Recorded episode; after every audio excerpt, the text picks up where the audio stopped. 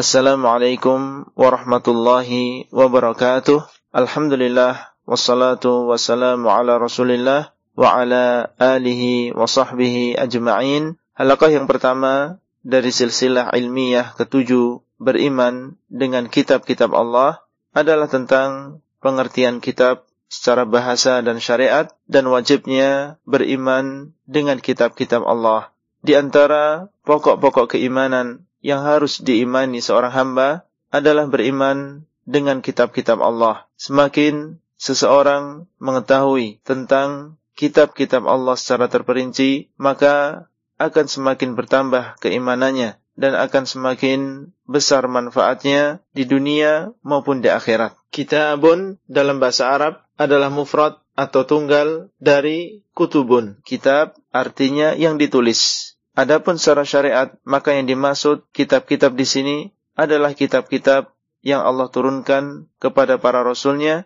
sebagai petunjuk bagi manusia supaya mereka mendapatkan kebahagiaan di dunia dan akhirat. Al-Quran, As-Sunnah, dan ijma' kaum muslimin menunjukkan tentang wajibnya beriman dengan kitab-kitab Allah dan bahwasanya kekufuran dengan kitab-kitab Allah pada hakikatnya adalah kekufuran dengan Allah Subhanahu wa taala. Dari Al-Qur'an Allah Subhanahu wa taala berfirman, "Ya ayyuhalladzina amanu aminu billahi wa rasulih wal kitabil ladzi nazzala ala rasulih wal kitabil ladzi anzala min qabl wa man yakfur billahi wa malaikatihi wa kutubihi wa rusulihi wal yaumil akhir faqad dhalla dhalalan ba'ida." Orang-orang yang beriman, berimanlah kalian kepada Allah dan Rasulnya dan kitab yang telah diturunkan kepada Rasulnya dan kitab-kitab yang diturunkan sebelumnya dan barang siapa yang kufur kepada Allah, malaikat-malaikatnya, kitab-kitabnya, Rasul-Rasulnya dan hari akhir, maka sungguh dia telah sesat dengan kesesatan yang jauh. An-Nisa 136.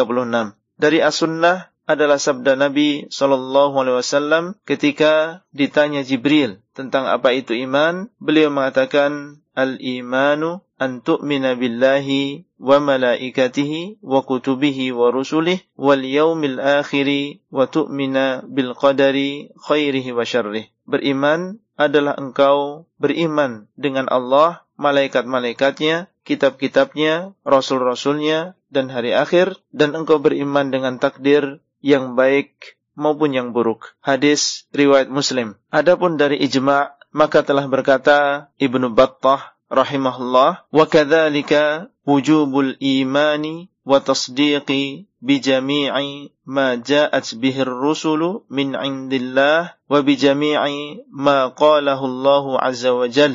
هو حق لازم. فلو أن رجلا آمن بجميع ما جاءت به الرسل إلا شيئا واحدا كان برد ذلك الشيء كافرا عند جميع العلماء. demikian pula wajibnya beriman. Dan membenarkan seluruh apa yang dibawa oleh para rasul dari sisi Allah dan beriman dengan seluruh yang Allah Azza wa Jalla katakan ini adalah sebuah kewajiban seandainya seseorang beriman dengan seluruh yang dibawa para rasul kecuali satu hal maka dengan dia menolak satu hal tersebut jadilah dia kafir menurut seluruh ulama. Al-Ibanah As-Sughra halaman 211 itulah yang bisa kita sampaikan pada halakoh kali ini dan sampai bertemu kembali pada halakoh selanjutnya Wassalamualaikum warahmatullahi wabarakatuh. Materi audio ini disampaikan di dalam grup WA Halakoh Silsilah Ilmiah HSI Abdullah Rai. Assalamualaikum warahmatullahi wabarakatuh. Alhamdulillah wassalatu wassalamu ala Rasulillah wa ala alihi wa sahbihi ajma'in. Halakah yang kedua dari silsilah ilmiah beriman dengan kitab-kitab Allah adalah tentang pentingnya beriman dengan kitab-kitab Allah dan cara beriman dengan kitab-kitab Allah. Di antara yang menunjukkan pentingnya beriman dengan kitab-kitab Allah, bahwasanya beriman dengan kitab-kitab Allah secara global adalah termasuk pokok-pokok akidah Islam dan merupakan rukun yang ketiga dari enam rukun iman yang tidak sah iman seseorang kecuali dengan mengimani seluruh rukun iman ini dan telah berlalu hadisnya. Kemudian di antara yang menunjukkan pentingnya bahwasanya beriman dengan kitab-kitab adalah sifat orang-orang yang beriman. Allah berfirman, "Amanar rasulu bima unzila ilaihi mir rabbih wal mu'minun. Kullun amana billahi wa malaikatihi wa kutubihi wa rusulih." Rasul beriman dengan apa yang diturunkan kepadanya dari Rabbnya. Demikian pula orang-orang yang beriman. Semua beriman kepada Allah, malaikat-malaikatnya, kitab-kitabnya, dan rasul-rasulnya. Al-Baqarah 285. Dan di antara yang menunjukkan pentingnya bahwa Allah telah menyuruh orang-orang beriman untuk mengatakan kami beriman kepada Allah dan apa yang diturunkan kepada kami. Di dalam sebuah ayat Allah berfirman, "Qulu amanna billahi wa ma unzila ilaina وما أنزل إلى إبراهيم وإسماعيل وإسحاق ويعقوب والأسباط وما أوتي موسى وعيسى وما أوتي النبيون من ربهم لا نفرق بين أحد منهم wa nahnu lahu muslimun. Katakanlah oleh kalian, kami beriman kepada Allah dan apa yang diturunkan kepada kami dan apa yang diturunkan kepada Ibrahim, Ismail, Ishaq, Yaqub dan Asbab dan apa yang diberikan kepada Musa dan Isa dan apa yang diberikan kepada para nabi dari Rabb mereka, kami tidak membeda-bedakan seorang pun di antara mereka dan kami menyerahkan diri kepada Allah. Al-Baqarah 136. Dan di antara yang menunjukkan pentingnya beriman dengan kitab-kitab Allah, bahwasanya mengkufuri kitab-kitab Allah adalah sebuah kesesatan yang nyata. Allah berfirman, "Wa may yakfur wa malaikatihi wa kutubihi wa rusulih wal yaumil akhiri faqad dhalla dhalalan ba'ida dan barang siapa yang kufur kepada Allah malaikat-malaikatnya, kitab-kitabnya, rasul-rasulnya dan hari akhir, maka sungguh dia telah tersesat dengan kesesatan yang jauh. An-Nisa 136.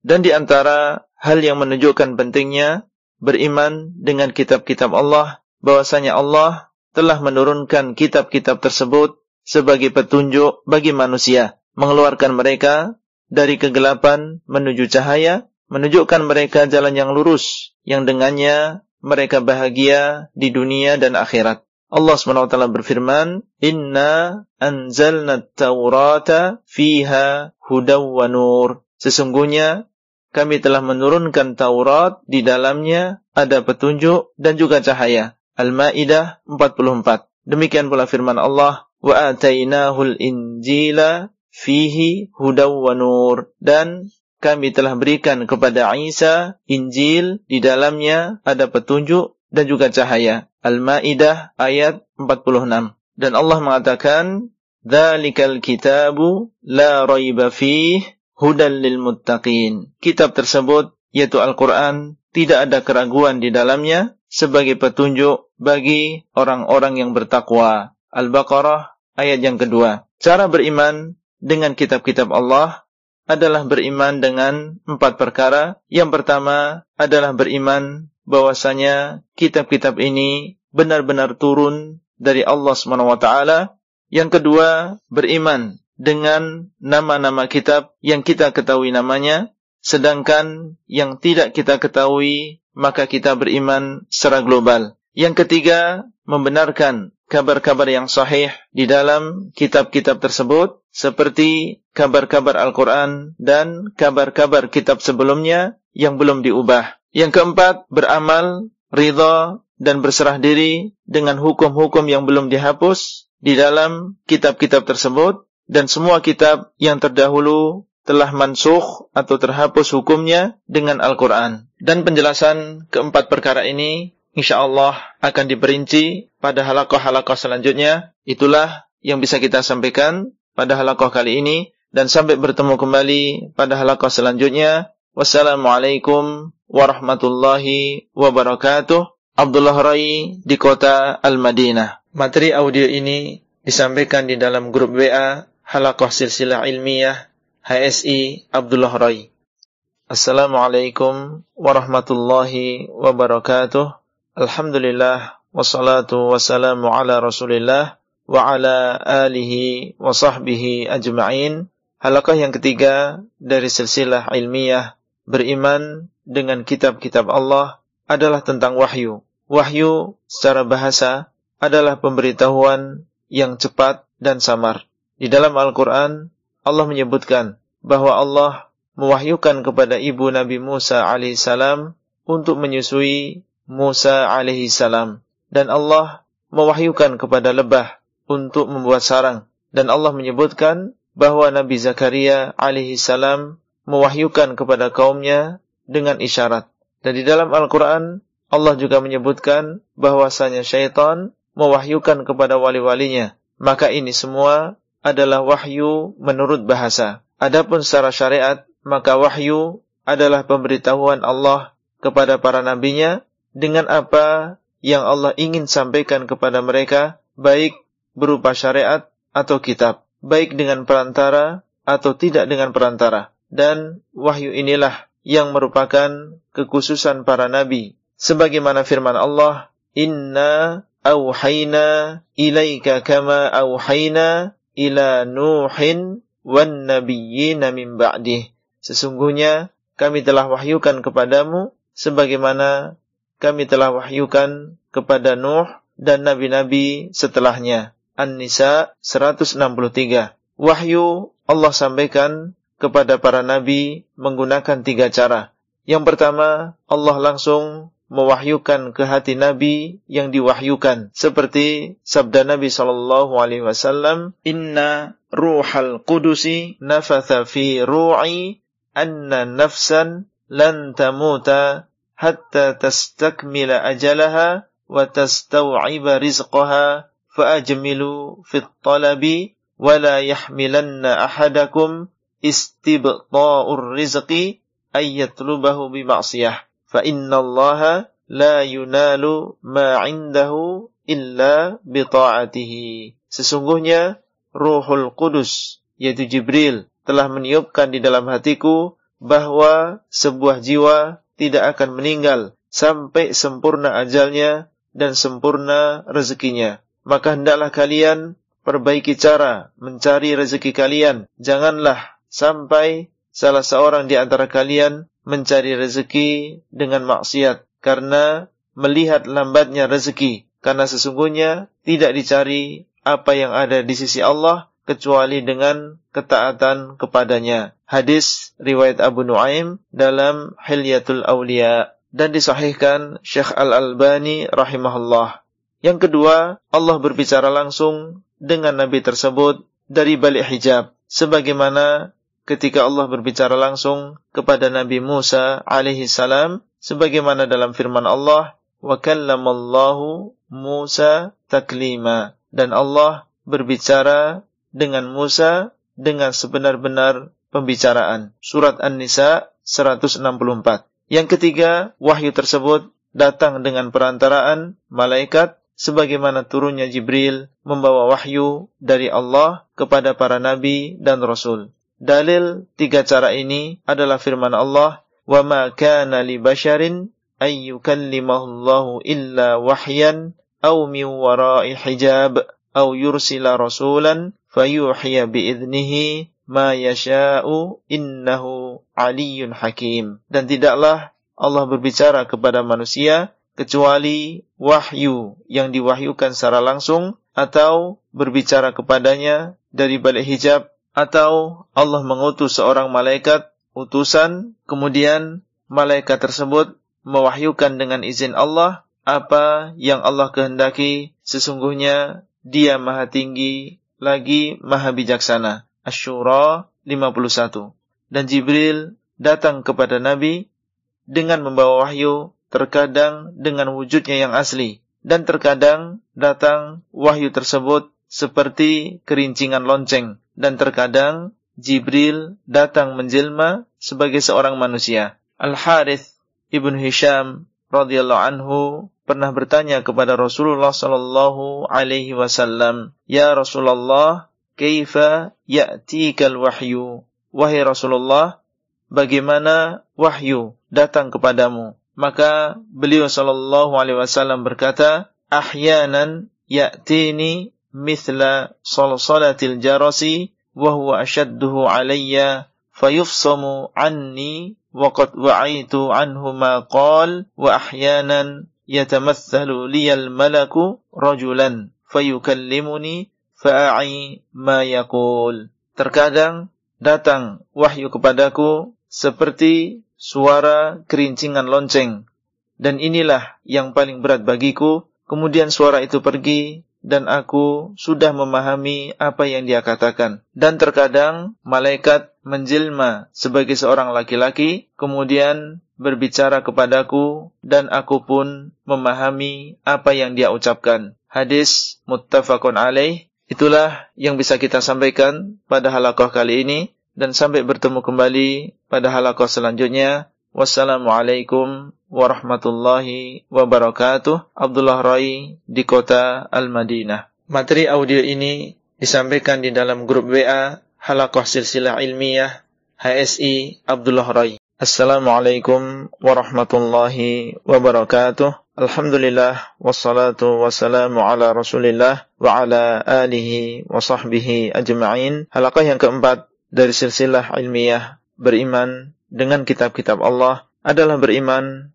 bahwasanya kitab-kitab ini benar-benar turun dari Allah Subhanahu wa taala. Di antara cara beriman dengan kitab-kitab Allah adalah beriman bahwa kitab-kitab tersebut benar-benar turun dari Allah, merupakan kalamullah dari Allah bermulai dan bahwasanya Allah telah berbicara secara hakikat dengan huruf dan maknanya, berbicara sesuai dengan yang Dia kehendaki dengan cara yang Allah kehendaki, yang sesuai dengan keagungan Allah Azza wa Jal. Allah SWT berfirman, Nazzala alaikal kitaba bil haqqi musaddiqan lima bayna yadayh wa anzalat tawrata wal injil. Dia telah menurunkan atasmu Alkitab, yaitu Al-Quran, dengan hak membenarkan kitab-kitab sebelumnya, dan dialah yang telah menurunkan Taurat dan Injil. Surat Ali Imran ayat yang ketiga. Dan Allah SWT berfirman, Qul amanna billahi wa ma unzila alaina wa ma unzila ala Ibrahim wa Ismail wa Ishaq wa Yaqub wal asbab wa ma utiya Musa wa Isa wan nabiyyuna.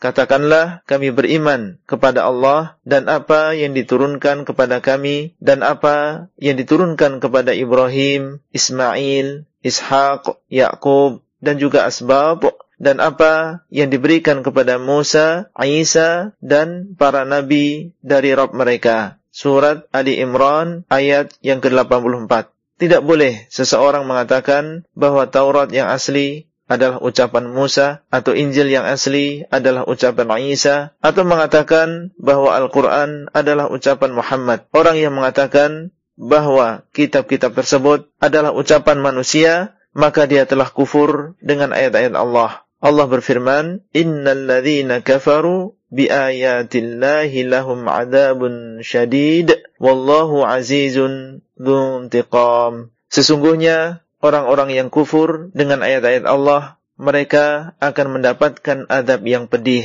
dan Allah adalah zat yang perkasa dan memiliki siksaan. Surat Ali Imran ayat yang keempat. Allah menceritakan tentang ucapan sebagian orang kafir yang mengatakan in hadza illa qaulul bashar. Tidaklah Al-Quran ini kecuali ucapan manusia. Al-Muddathir 25. Para rasul dan malaikat hanyalah sebagai perantara dalam menyampaikan kalamullah. Allah SWT berfirman, "Wa innahu latanzilu rabbil alamin, nazala bihi ruhul amin, ala qalbika litakuna minal mundirin, arabiyyin mubin." Sesungguhnya dia yaitu Al-Quran diturunkan dari Rabbul Alamin. Turun dengannya Ar-Ruhul Amin, Jibril, atas hatimu yaitu Nabi Muhammad supaya engkau menjadi pemberi peringatan. Turun kitab tersebut dengan bahasa Arab yang jelas. Asy-Syu'ara 192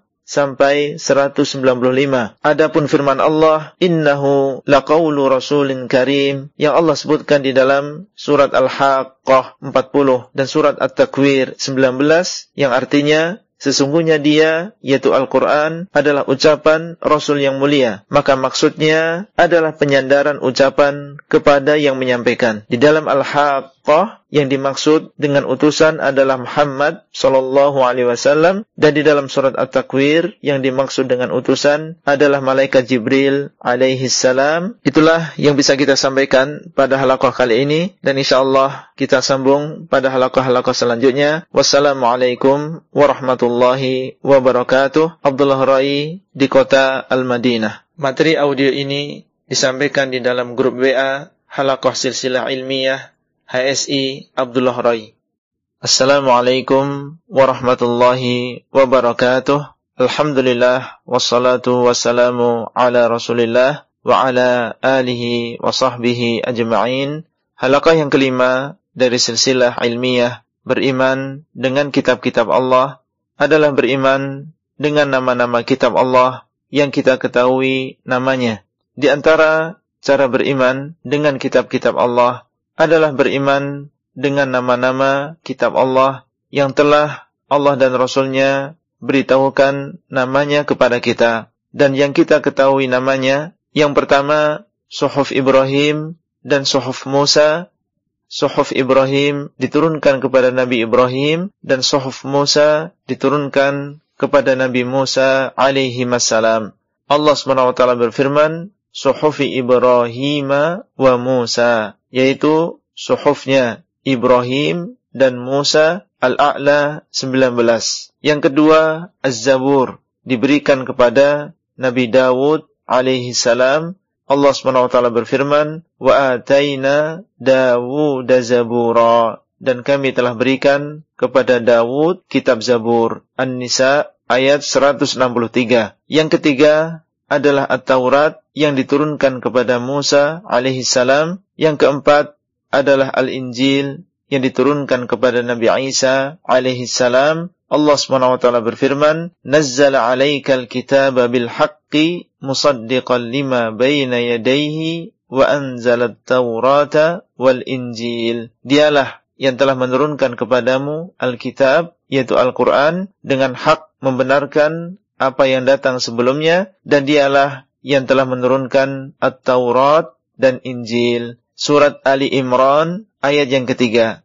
Dan yang kelima adalah Al-Quran yang diturunkan kepada Nabi Muhammad sallallahu alaihi wasallam. Allah berfirman, "Syahrul Ramadan alladzi unzila fihi al-Qur'an." Bulan Ramadan yang diturunkan di dalamnya Al-Qur'an. Surat Al-Baqarah ayat 185 kita harus beriman dengan nama-nama kitab tersebut dan nabi yang diturunkan kepadanya. Adapun yang tidak kita ketahui namanya, maka kita beriman secara global. Maksudnya, kita beriman bahwa setiap rasul memiliki kitab, namun tidak semua kita ketahui namanya. Sebagaimana firman Allah, "Laqad arsalna rusulana bil bayyinati wa anzalna ma'ahumul kitaba wal mizana liyaquman.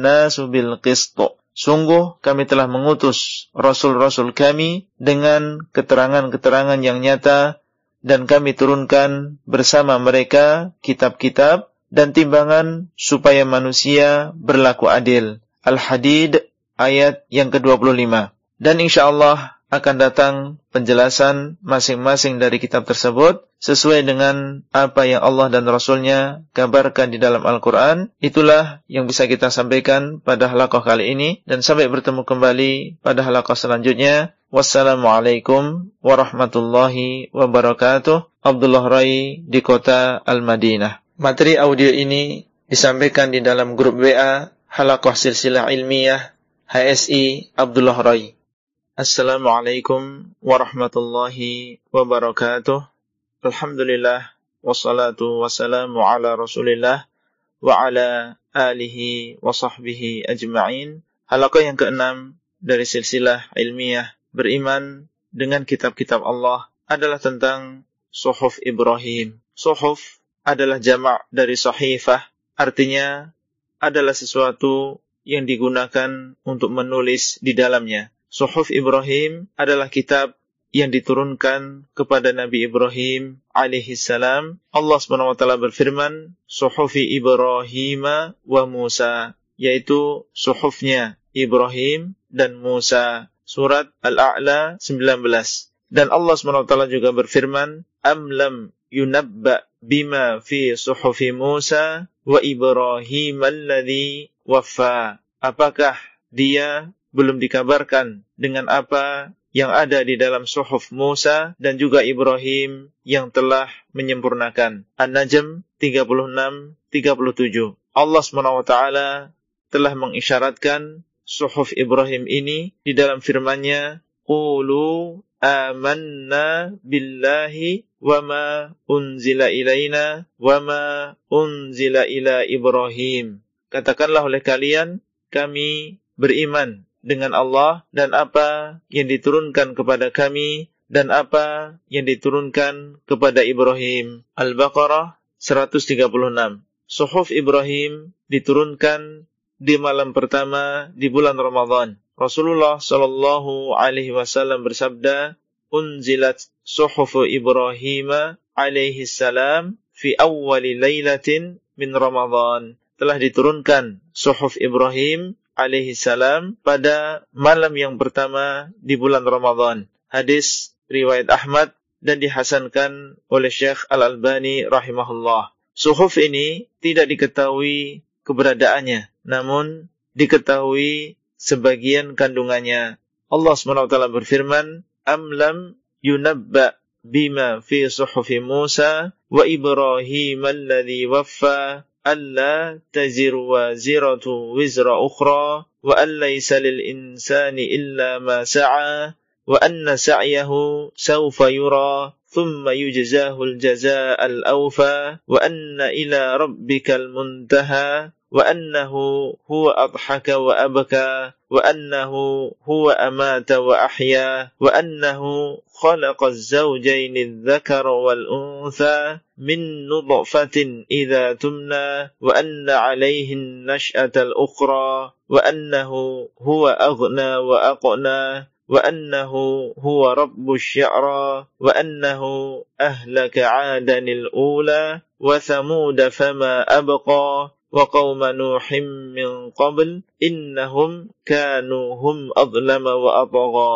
والمؤتفكة أهوى فغشاها ما غشا Apakah belum dikabarkan kepadanya tentang apa yang ada di dalam suhuf Musa dan Ibrahim yang telah menyempurnakan? Yaitu bahwasanya sebuah jiwa tidak menanggung dosa jiwa yang lain dan bahwasanya seorang manusia tidak memiliki kecuali apa yang dia usahakan. Dan bahwasanya usaha dia akan diperlihatkan kepadanya kemudian dibalas dengan balasan yang paling sempurna. Dan bahwasanya hanya kepada Rabbmu kesudahan. Dan bahwasanya dialah yang menjadikan orang tertawa dan menangis. Dan bahwasanya dialah yang mematikan dan menghidupkan. Dan bahwasanya dialah yang menciptakan pasangan laki-laki dan wanita dari air mani yang dipancarkan dan bahwasanya atasnya lah penciptaan yang lain yaitu kebangkitan dan bahwasanya dia yang memberikan kecukupan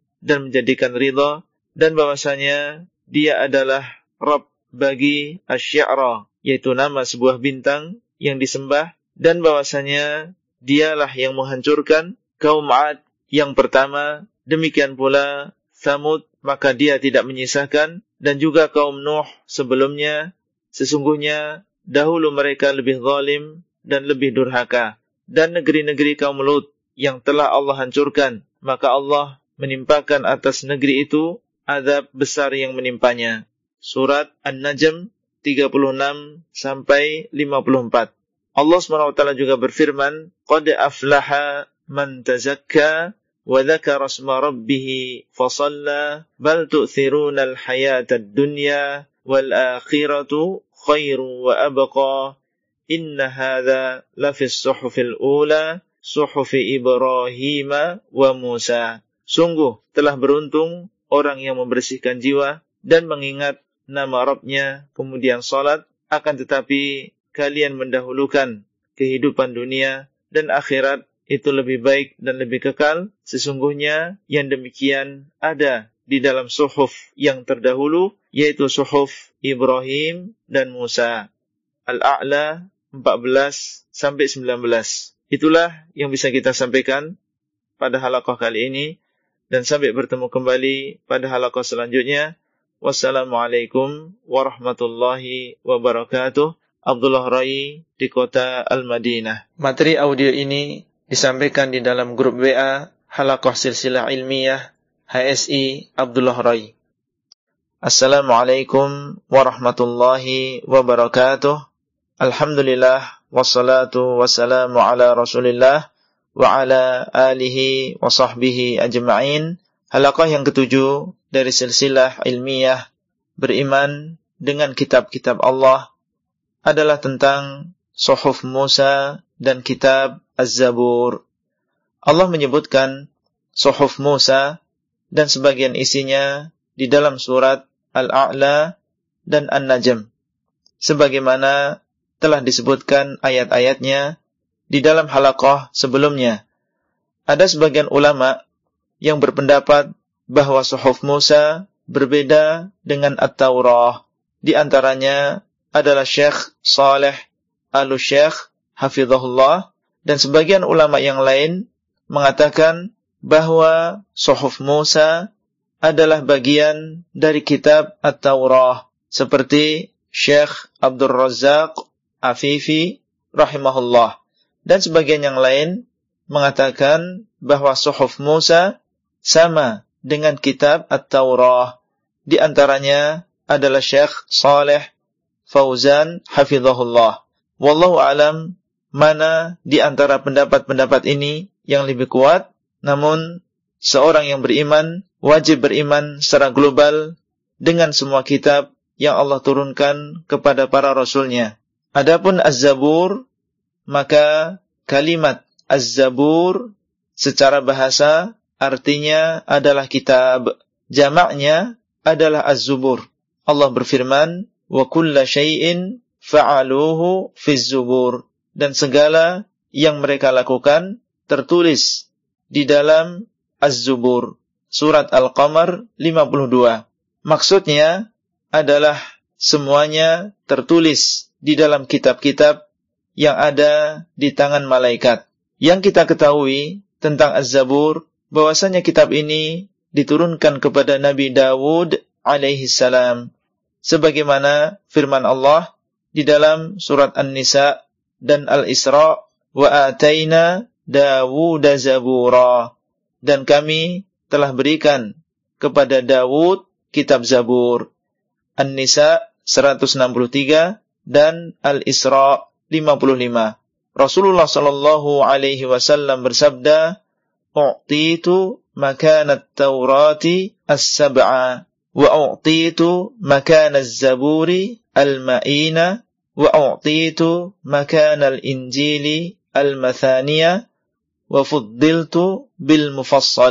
aku telah diberi as-sab'u yang sebanding dengan kitab Taurah dan aku diberi al-ma'in yang sebanding dengan kitab Az-Zabur dan aku diberi al-mathani yang sebanding dengan kitab Al-Injil dan aku dikaruniai kelebihan dengan Al-Mufassal. Hadis riwayat Ahmad dan dihasankan oleh Syekh Al-Albani rahimahullah. Yang dimaksud dengan As-Sab'u Al-Ma'in, Al-Mathani dan Al-Mufassal adalah nama kumpulan surat yang ada di dalam Al-Quran. Az-Zabur diturunkan di bulan Ramadan.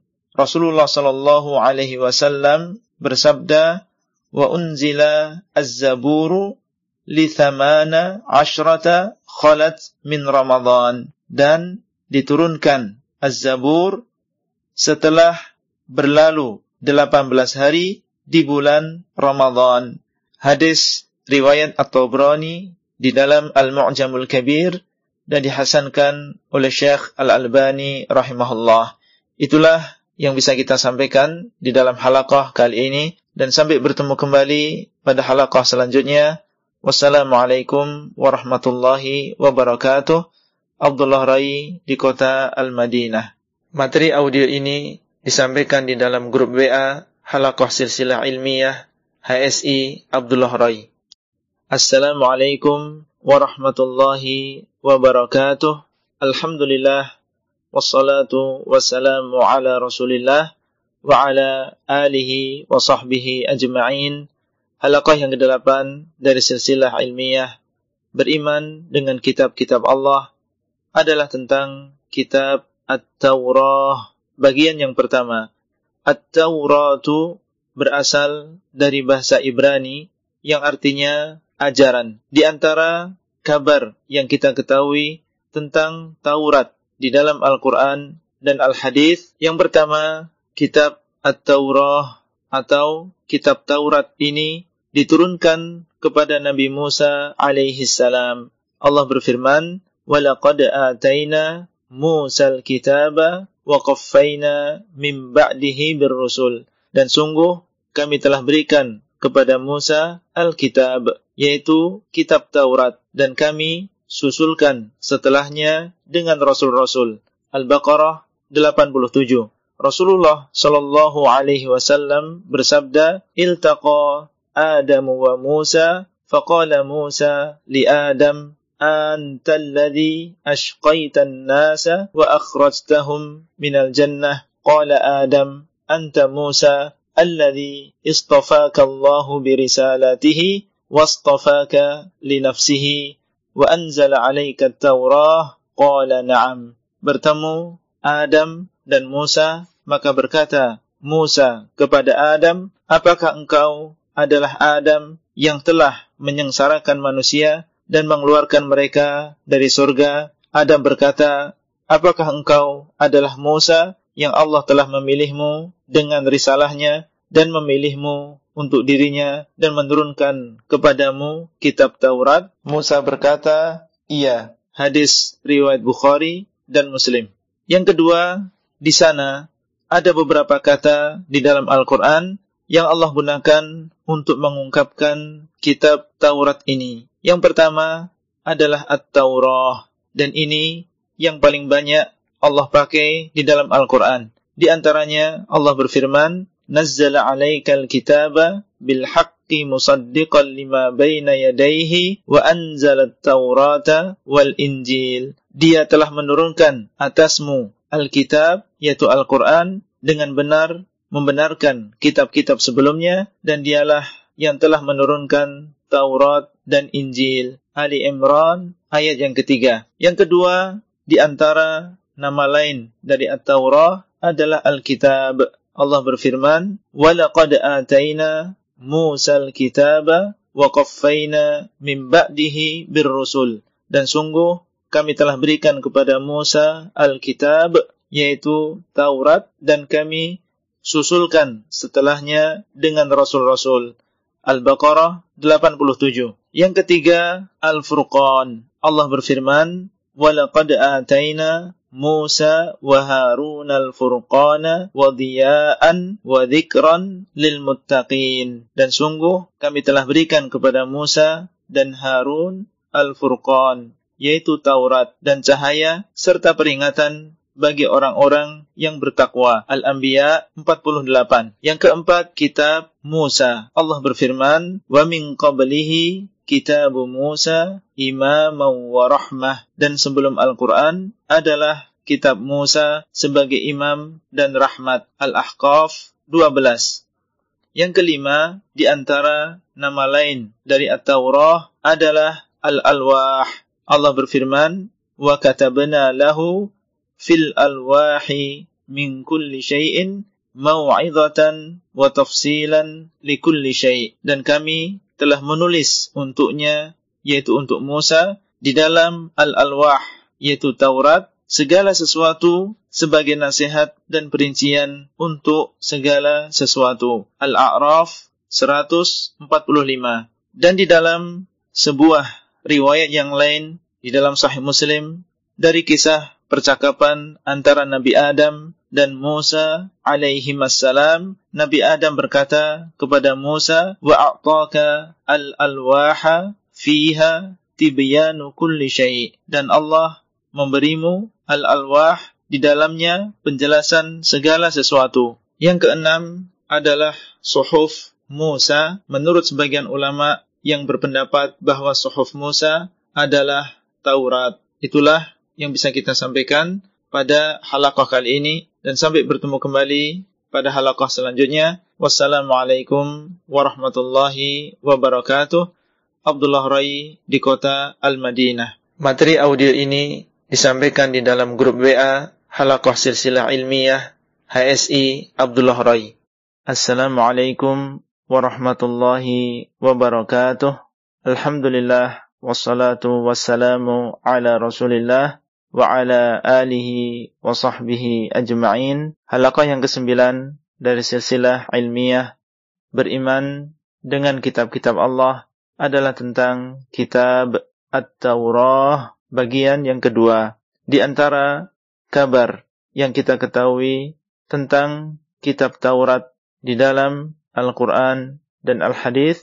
Yang ketiga, bahwasanya Allah telah menulis At-Taurah dengan tangannya. Di dalam sebagian riwayat dari kisah percakapan antara Nabi Adam dan Musa alaihi wassalam, Nabi Adam berkata kepada Musa, "Wa khattalaka at-Taurata biyadih." Dan dialah yang telah menulis untukmu At-Taurah dengan tangannya. Diriwayatkan oleh Abu Dawud, Ibnu Majah dan disahihkan oleh Syekh Al-Albani rahimahullah. Yang keempat, di antara kabar yang kita ketahui tentang Taurat adalah tentang sebagian yang terkandung di dalam kitab ini. Dan di antara kandungan Taurat, yang pertama beberapa perkara yang terkandung di dalam suhuf Ibrahim alaihi salam. Sebagaimana telah berlalu penjelasannya. Ini bagi yang berpendapat bahwa suhuf Musa adalah Taurat. Yang kedua, hukum-hukum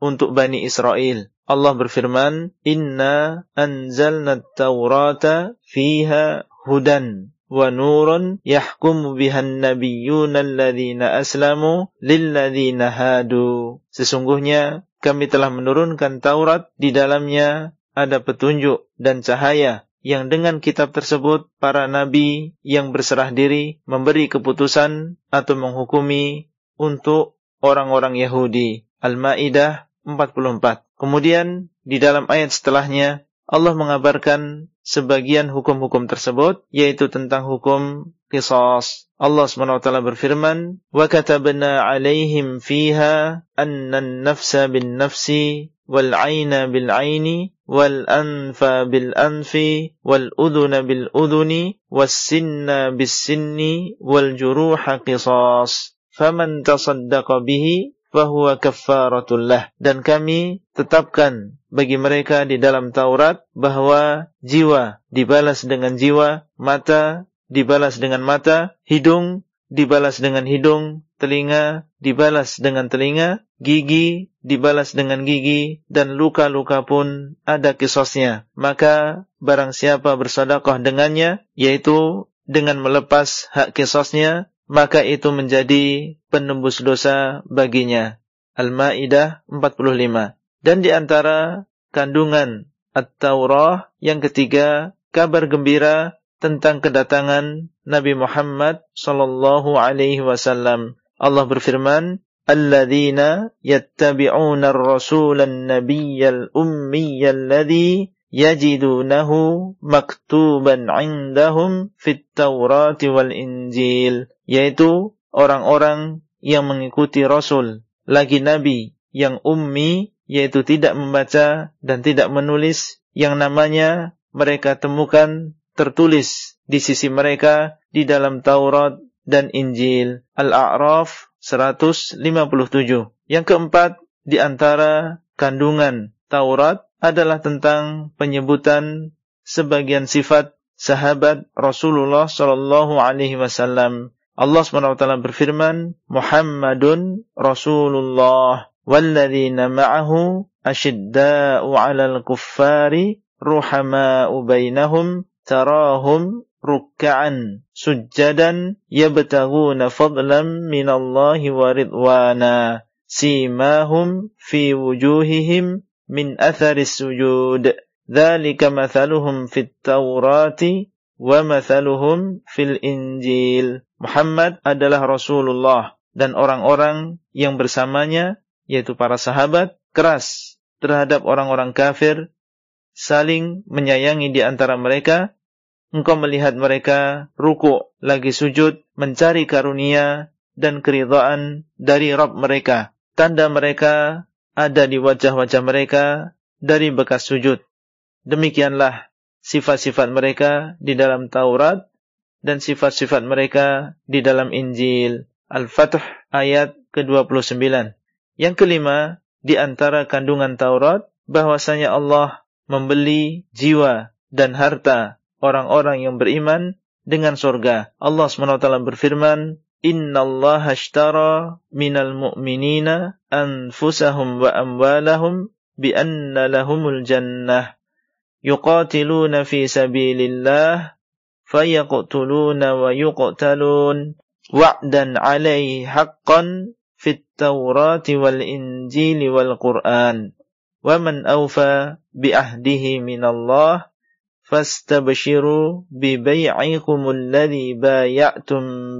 Wadzalika huwal fawzul azim. Sesungguhnya Allah telah membeli dari orang-orang yang beriman diri-diri mereka dan harta-harta mereka dengan surga. Mereka berperang di jalan Allah, kemudian mereka membunuh dan dibunuh. Janji Allah yang hak di dalam Taurat, Injil, dan Al-Quran. Dan siapa yang lebih menyempurnakan janji daripada Allah, maka hendaklah kalian bergembira dengan jual beli yang kalian lakukan, yang demikian adalah keuntungan yang besar. At-Taubah 111. Itulah yang bisa kita sampaikan pada halaqah kali ini dan sampai bertemu kembali pada halaqah selanjutnya. Wassalamualaikum warahmatullahi wabarakatuh. Abdullah Rai di kota Al-Madinah. Materi audio ini disampaikan di dalam grup WA Halaqah Silsilah Ilmiah HSI Abdullah Rai. Assalamualaikum warahmatullahi wabarakatuh. Alhamdulillah wassalatu wassalamu ala Rasulillah wa ala alihi wa sahbihi ajma'in. Halaqah yang ke-10 dari silsilah ilmiah beriman dengan kitab-kitab Allah adalah tentang kitab At-Taurah bagian yang ketiga. Dan di antara kabar yang kita ketahui tentang kitab Taurat di dalam Al-Quran dan Al-Hadis. Yang kelima, bahwasanya kitab Taurat adalah kitab yang Allah turunkan khusus untuk Bani Israel. Allah berfirman, al-kitaba wa ja'alnahu hudan li Bani Israel. Dan kami telah berikan kepada Musa Alkitab yaitu Taurat dan kami jadikan kitab tersebut sebagai petunjuk bagi Bani Israel. Al-Isra ayat yang kedua. Yang keenam, bahwasanya kitab Taurat diturunkan dengan bahasa Ibrani. Berkata Abu Hurairah radhiyallahu anhu, "Kana ahlul kitabi yaqra'una at-taurata bil ibraniyah wa yufassirunaha bil arabiyah li ahli islam dahulu ahlul kitab yaitu orang-orang Yahudi membaca Taurat dengan bahasa Ibrani dan menerjemahkannya ke dalam bahasa Arab untuk orang-orang Islam. Athar ini dikeluarkan oleh Al-Imam Al-Bukhari di dalam sahihnya. Yang ketujuh, sebagian kitab Taurat telah diubah oleh orang-orang Yahudi dan disesuaikan dengan hawa nafsu mereka. Sebagaimana firman Allah fawailul lilladzina yaktubuna alkitaba biaydihim thumma yaquluna hadza min 'indillah liyashtaru bihi thamanan qalila fawailul lahum mimma katabat aydihim wa wailul lahum mimma yaksibun. Maka sungguh kecelakaan bagi orang-orang yang menulis Alkitab dengan tangan-tangan mereka, kemudian berkata, ini adalah dari sisi Allah untuk menjualnya dengan harga murah. Maka kecelakaan bagi mereka karena apa yang ditulis tangan-tangan mereka dan kecelakaan bagi mereka karena apa yang mereka usahakan. Al-Baqarah 79. Dan sebagaimana firman Allah,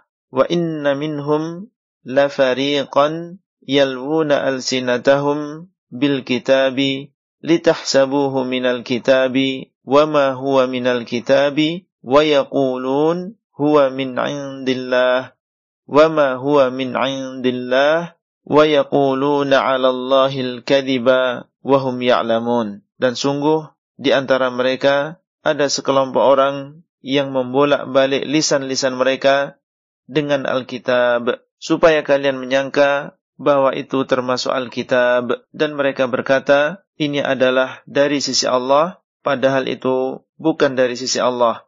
Dan mereka mengatakan kedustaan atas nama Allah padahal mereka mengetahui. Surat Ali Imran ayat ke-78. Itulah yang bisa kita sampaikan pada halaqah kali ini. Dan sampai bertemu kembali pada halaqah selanjutnya Wassalamualaikum warahmatullahi wabarakatuh. Abdullah Rai di kota Al-Madinah. Materi audio ini disampaikan di dalam grup WA Halakoh Silsilah Ilmiah HSI Abdullah Rai. Assalamualaikum warahmatullahi wabarakatuh.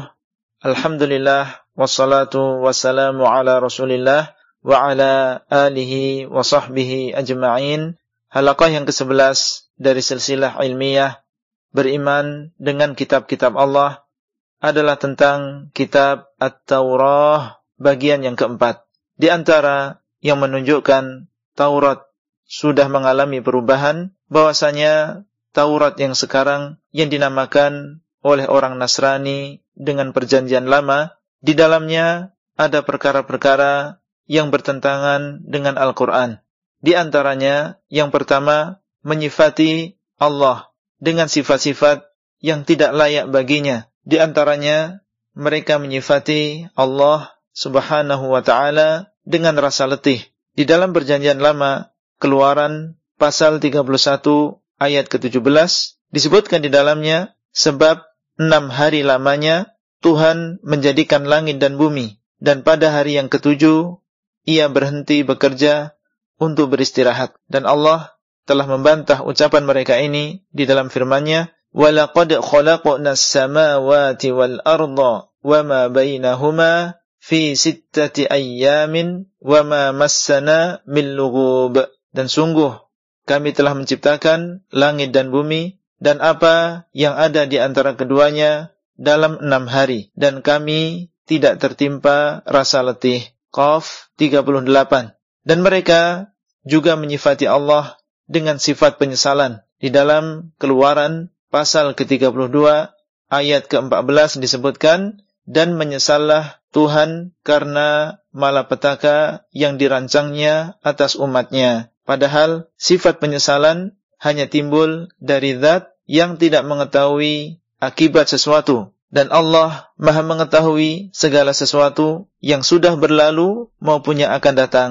Allah berfirman, "Innallaha bikulli syai'in alim." Sesungguhnya Allah Maha mengetahui segala sesuatu. Al-Anfal 75. Dan Allah berfirman, "Ya'lamu ma baina aydihim wa ma khalfahum." Dia mengetahui apa yang ada di depan mereka, yaitu apa yang telah berlalu dan apa yang di belakang mereka, yaitu apa yang akan datang. Al-Baqarah 255. Yang kedua, di antara perkara-perkara yang bertentangan dengan Al-Quran yang ada di dalam perjanjian lama, mereka menyifati beberapa orang nabi dengan sifat yang tidak layak. Di antaranya, mereka menyebutkan bahwa Nabi Nuh alaihi salam pernah mabuk dan telanjang. Di dalam perjanjian lama, kejadian pasal ke-9 ayat 20 sampai 21 disebutkan Nuh menjadi petani. Dialah yang mula-mula membuat kebun anggur. Setelah ia minum anggur, mabuklah ia dan ia telanjang dalam kemahnya. Mereka juga menyebutkan bahwa Nabi Lut alaihi salam berzina dengan dua orang anak wanitanya sampai keduanya hamil dan melahirkan. Sebagaimana disebutkan kisahnya di dalam kejadian pasal ke-19 ayat 30 sampai 38. Padahal para nabi dan rasul adalah maksum terjaga dari dosa-dosa besar. Mereka adalah manusia pilihan Allah yang kita diperintahkan untuk meneladani mereka. Allah berfirman, Allahu yastafi minal malaikati rusulan wa minan nas. Innallaha sami'un basir. Allah memilih utusan-utusan dari kalangan malaikat dan dari kalangan manusia. Sesungguhnya Allah maha mendengar lagi maha melihat. Al-Hajj 75. Dan Allah juga berfirman, Ulaika alladhina hadallahu fabihudahu muqtadih. Mereka, yaitu para nabi, adalah orang-orang yang telah Allah berikan petunjuk, maka dengan petunjuk mereka, hendaklah engkau meneladani. Al-An'am 90, itulah yang bisa kita sampaikan pada halaqah kali ini dan sampai bertemu kembali pada halaqah selanjutnya. Wassalamualaikum warahmatullahi wabarakatuh. Abdullah Rai di kota Al-Madinah. Materi audio ini disampaikan di dalam grup WA Halaqah Silsilah Ilmiah HSI Abdullah Rai. Assalamualaikum warahmatullahi wabarakatuh. Alhamdulillah wassalatu wassalamu ala Rasulillah wa ala alihi wa sahbihi ajma'in. Halaqah yang 12 dari silsilah ilmiah beriman dengan kitab-kitab Allah adalah tentang kitab Al-Injil bagian yang pertama. Ada yang mengatakan bahwa kata Al-Injil berasal dari bahasa Yunani yang artinya kabar gembira. Di antara kabar yang kita ketahui tentang Al-Injil di dalam Al-Quran dan Al-Hadith. Yang pertama, Al-Injil diturunkan kepada Nabi Isa alaihi salam. Allah berfirman, "Thumma qaffayna ala atharihim birusulina wa qaffayna bi Isa bin Maryam wa atainahu al-Injil."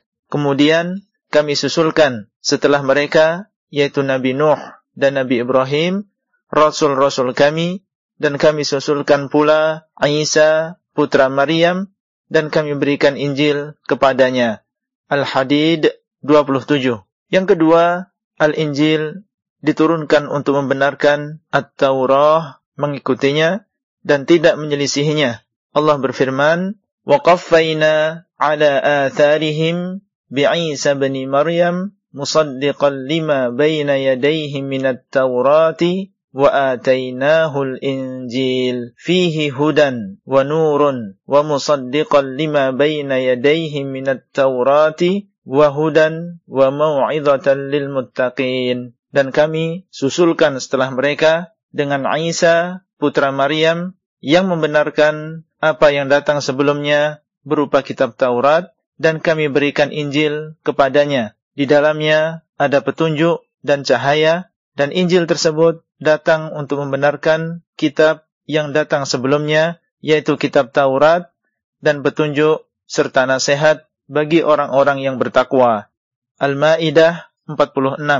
Kitab Injil isinya mengikuti isi Taurat kecuali dalam beberapa hukum yang sedikit. Allah berfirman menceritakan ucapan Nabi Isa kepada Bani Israel wa musaddiqan lima baina yadayya minat taurati wa liuhilla lakum ba'dalladhi hurrima alaikum dan aku membenarkan kitab yang datang sebelumku yaitu Taurat dan aku menghalalkan sebagian dari apa yang sebelumnya diharamkan atas kalian. Surat Ali Imran ayat yang ke-50 berkata Ibnu Kathir ketika menafsirkan ayat ini ولهذا كان المشهور من قولي العلماء أن الإنجيل نسخ بعض أحكام التوراة oleh karena itu yang masyhur dari dua pendapat ulama bahwa Injil menghapuskan sebagian hukum-hukum Taurat datang di dalam perjanjian baru Injil Matius pasal 5 ayat 17 sampai 19 yang menguatkan hal ini. Disebutkan di dalamnya bahwa Nabi Isa berkata, "Janganlah kamu menyangka bahwa aku datang untuk meniadakan hukum Taurat atau kitab para nabi. Aku datang bukan untuk meniadakannya, melainkan untuk menggenapinya. Karena aku berkata kepadamu, sesungguhnya selama belum lenyap langit dan bumi ini, satu huruf atau satu titik pun tidak akan ditiadakan dari hukum Taurat sebelum semuanya terjadi. Karena itu, siapa yang meniadakan salah satu perintah hukum Taurat, sekalipun yang paling kecil, dan mengajarkannya demikian kepada orang lain, ia akan menduduki tempat yang paling rendah di dalam kerajaan surga. Oleh karena itu, Nabi Isa berkhitan sebagaimana dalam perjanjian baru Injil Lukas pasal 2 ayat 21 yang demikian karena beliau alaihi salam mengikuti syariat Nabi Musa alaihi salam sebagaimana disebutkan di dalam perjanjian lama kejadian pasal 17 ayat 9 sampai 14. Adapun Paulus maka dia telah merusak ajaran Nabi Musa dan Nabi Isa dan membatalkan hukum sunat dan mengatakan bahwa sunat adalah sunat dalam hati sebagaimana dalam perjanjian baru Roma pasal 2 ayat 28 sampai 29. Itulah yang bisa kita sampaikan pada halaqah kali ini dan sampai bertemu kembali pada halaqah selanjutnya. Wassalamualaikum warahmatullahi wabarakatuh. Abdullah Rai di kota Al-Madinah.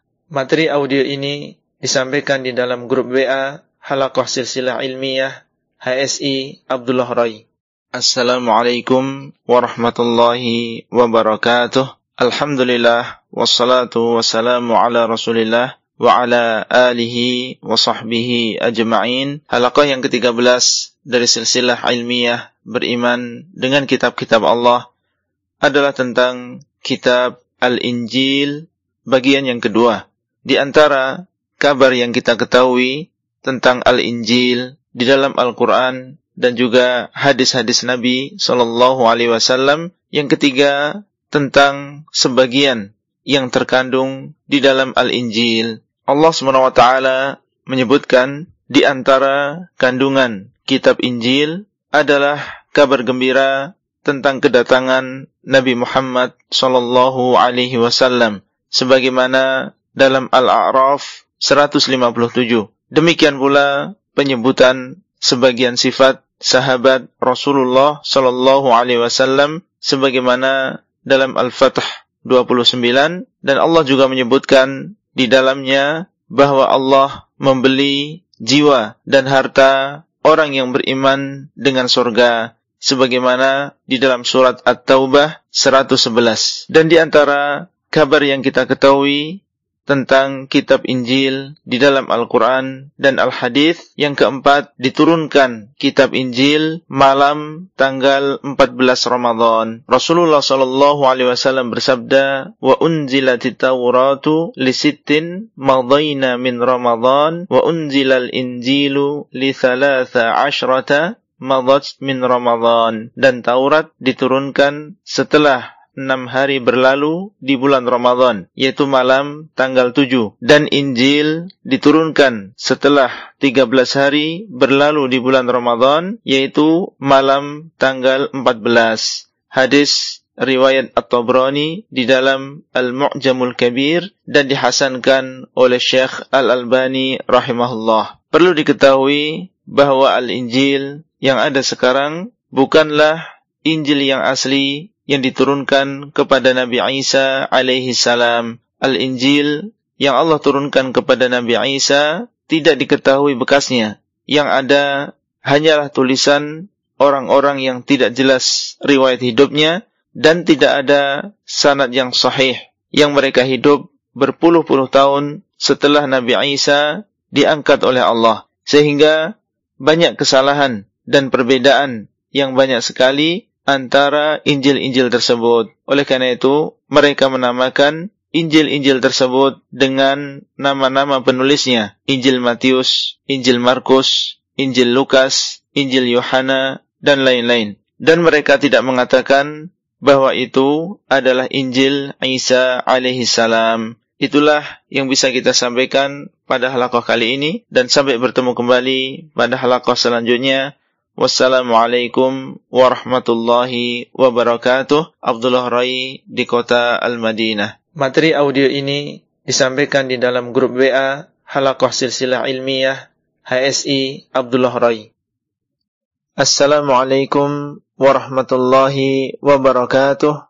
Alhamdulillah wassalatu wassalamu ala rasulillah wa ala alihi wa sahbihi ajma'in halaqah yang ke-14 dari silsilah ilmiah beriman dengan kitab-kitab Allah adalah tentang kitab Al-Injil bagian yang ketiga. Di antara kesalahan yang ada di dalam Injil yang tersebar sekarang adalah penyebutan nasab Nabi Isa alaihi salam kepada laki-laki. Sebagaimana di dalam Injil Matius pasal 1 ayat 1 sampai 17 dan di dalam Injil Lukas pasal 3 ayat 23 sampai 38. Padahal Allah telah mengabarkan di dalam Al-Quran bahwa Nabi Isa alaihi salam lahir dari seorang wanita tanpa disentuh laki-laki. Seorang wanita yang salihah, bukan wanita pezina dan bukan wanita yang bersuami sebagai tanda kekuasaan Allah SWT.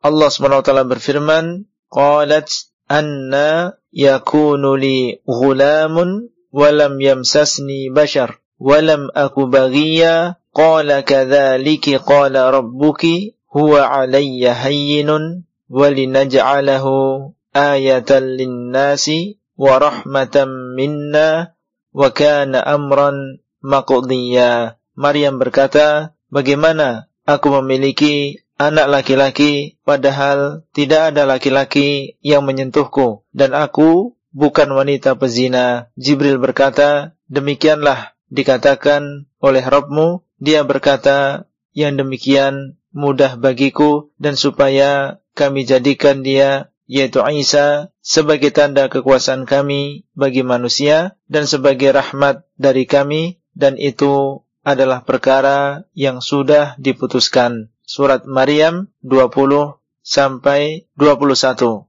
Oleh karena itu, Allah menyebutkan di dalam Al-Quran Isa bin Maryam sebagaimana dalam surat Al-Baqarah 87 dan juga yang lain atau Allah menyebutkan Al-Masih bin Maryam sebagaimana dalam surat Al-Maidah ayat ke-17 dan juga yang lain atau Allah menyebutkan Al-Masih Isa bin Maryam sebagaimana dalam surat Ali Imran ayat yang ke-45 dan juga yang lain. Apa yang tertulis di dalam Injil yang sekarang justru membenarkan akidah orang Yahudi yang mengatakan bahwa Nabi Isa adalah anak zina dan di sana ada perbedaan antara nasab Isa di dalam Injil Matius dan Injil Lukas, di dalam Injil Matius disebutkan bahwa Nabi Isa adalah anak Yusuf bin Yakub bin Matan bin Eleazar dan seterusnya. Dan beliau termasuk keturunan Nabi Sulaiman bin Dawud alaihi wassalam. Adapun di dalam Injil Lukas disebutkan bahwa beliau adalah anak Yusuf bin Eli bin Matat bin Lewi dan seterusnya dan termasuk keturunan Nathan bin Dawud alaihi salam. Itulah yang bisa kita sampaikan pada halakah kali ini dan sampai bertemu kembali pada halakah selanjutnya. Wassalamualaikum warahmatullahi wabarakatuh. Abdullah Rai di kota Al-Madinah. Materi audio ini disampaikan di dalam grup WA Halakah Silsilah Ilmiah HSI Abdullah Rai.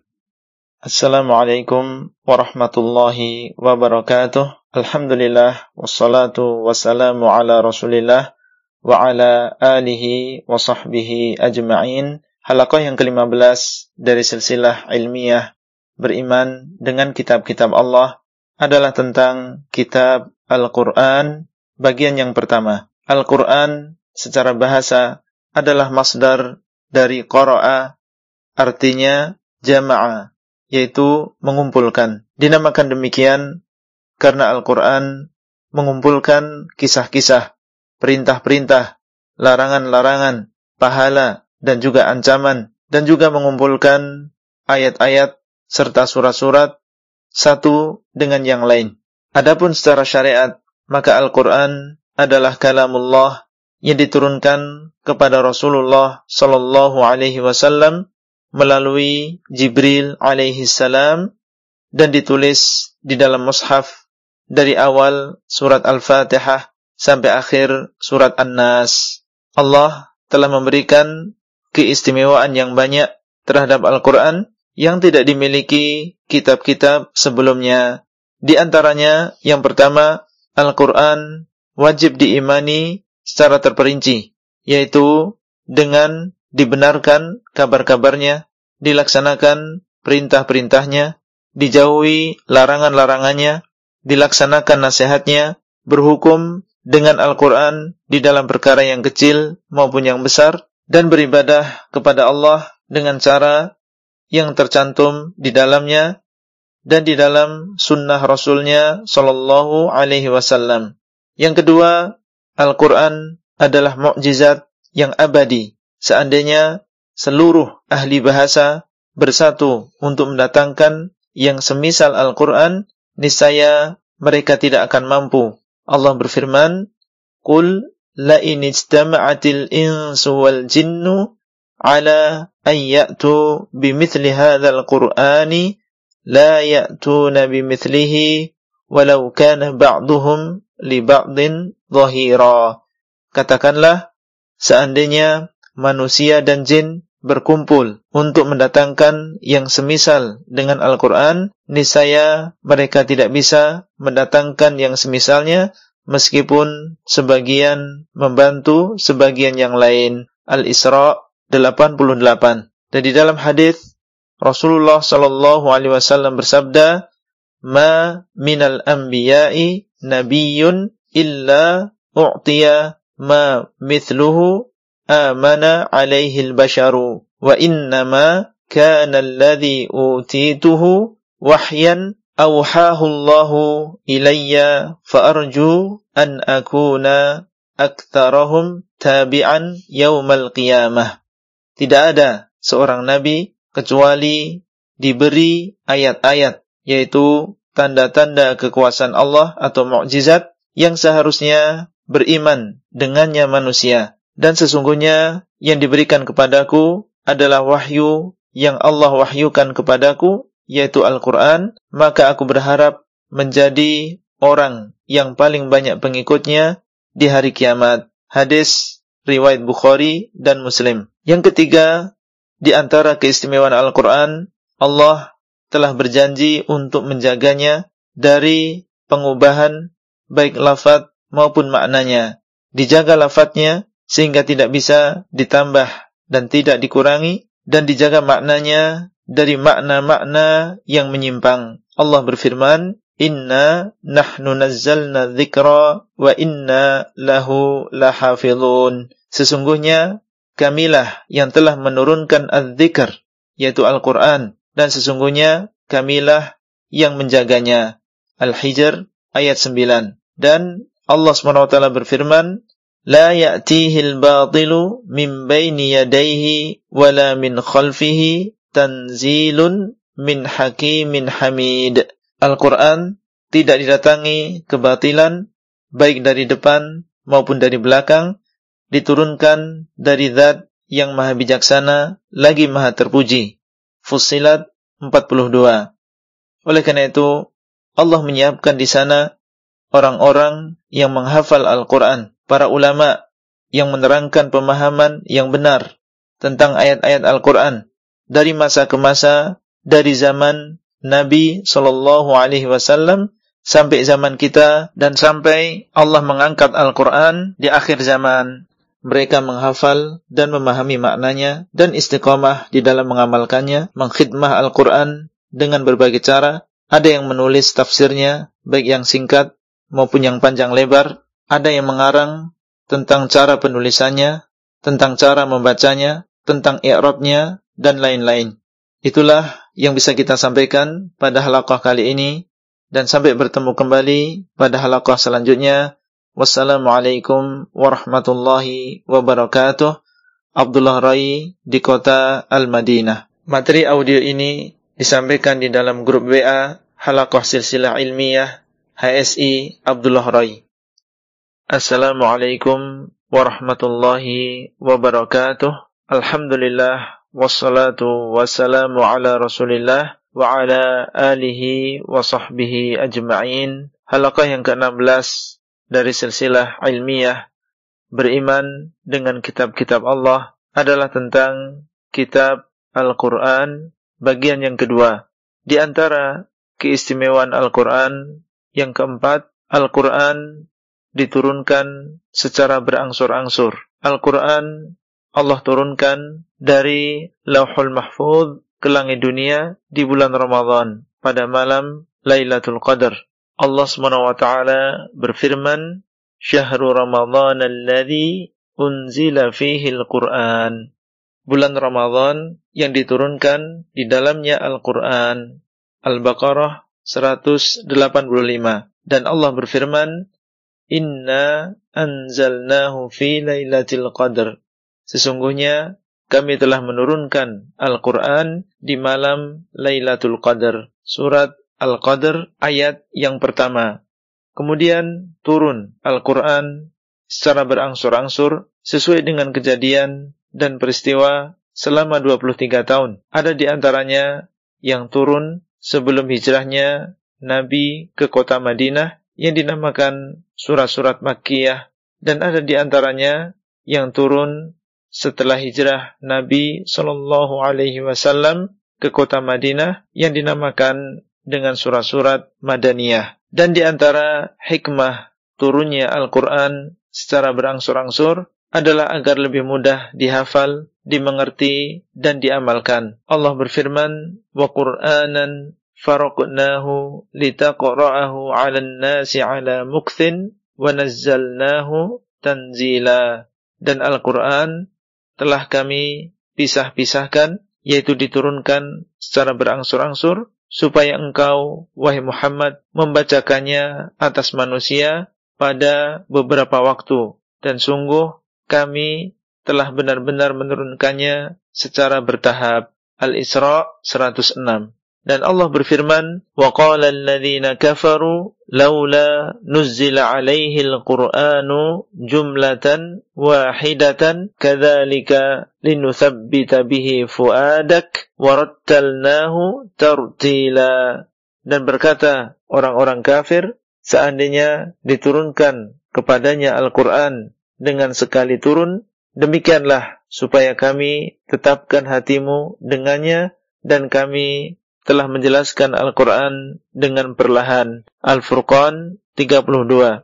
Dan di antara keistimewaan Al-Quran yang kelima, Al-Quran adalah muhaimin bagi kitab-kitab sebelumnya. Allah berfirman, Wa anzalna ilaikal kitaba bil haqqi musaddiqan lima baina yadayhi minal kitabi wa muhaiminan alaih. Dan kami telah menurunkan kepadamu Alkitab dengan hak yang membenarkan kitab-kitab sebelumnya dan muhaimin kitab-kitab sebelumnya. Al-Maidah 48. Yang dimaksud dengan muhaimin adalah yang menjadi saksi, yang menghukumi, yang mengemban amanat. Maksudnya, apa yang sesuai dengannya berarti benar dan apa yang menyelisihinya berarti salah. Yang keenam, di antara keistimewaan Al-Quran bahwasanya Al-Quran diturunkan supaya menjadi petunjuk bagi seluruh manusia dan jin dan bukan untuk bangsa tertentu saja. Allah SWT berfirman, Tabarakalladzi nazzala al-furqana ala 'abdihi liyakuna lil 'alamina nadhira.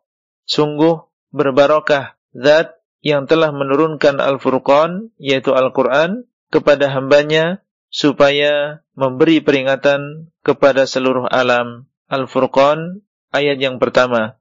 Seandainya seorang nabi yang diutus kepada kaum tertentu hidup di zaman Nabi Muhammad sallallahu alaihi wasallam, niscaya dia diharuskan mengikuti Al-Qur'an dan mengikuti syariat Nabi Muhammad sallallahu alaihi wasallam.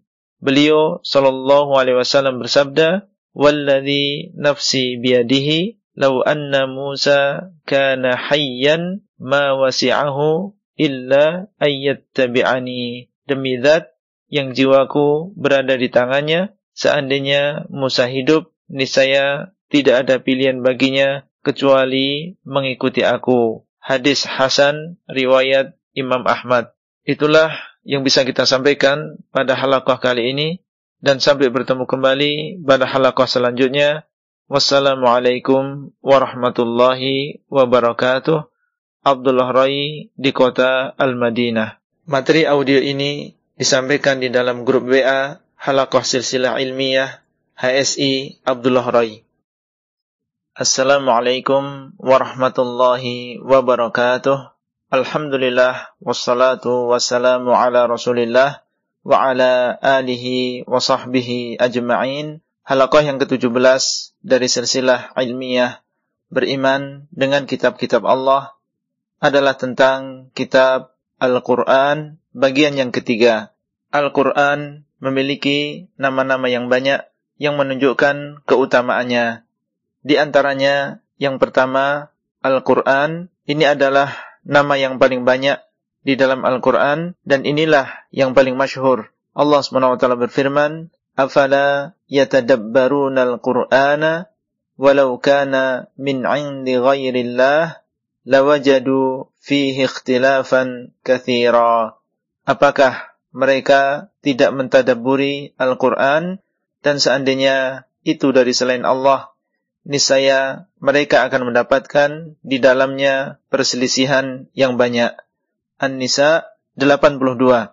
Yang kedua, Alkitab artinya kitab dari kata kataba yang artinya mengumpulkan dinamakan demikian karena dia mengumpulkan huruf dengan huruf, ayat dengan ayat, surat dengan surat. Allah SWT berfirman, "Afa ghairallahi abtaghi hakaman wa huwa alladhi anzala ilaikumul kitaba mufassala.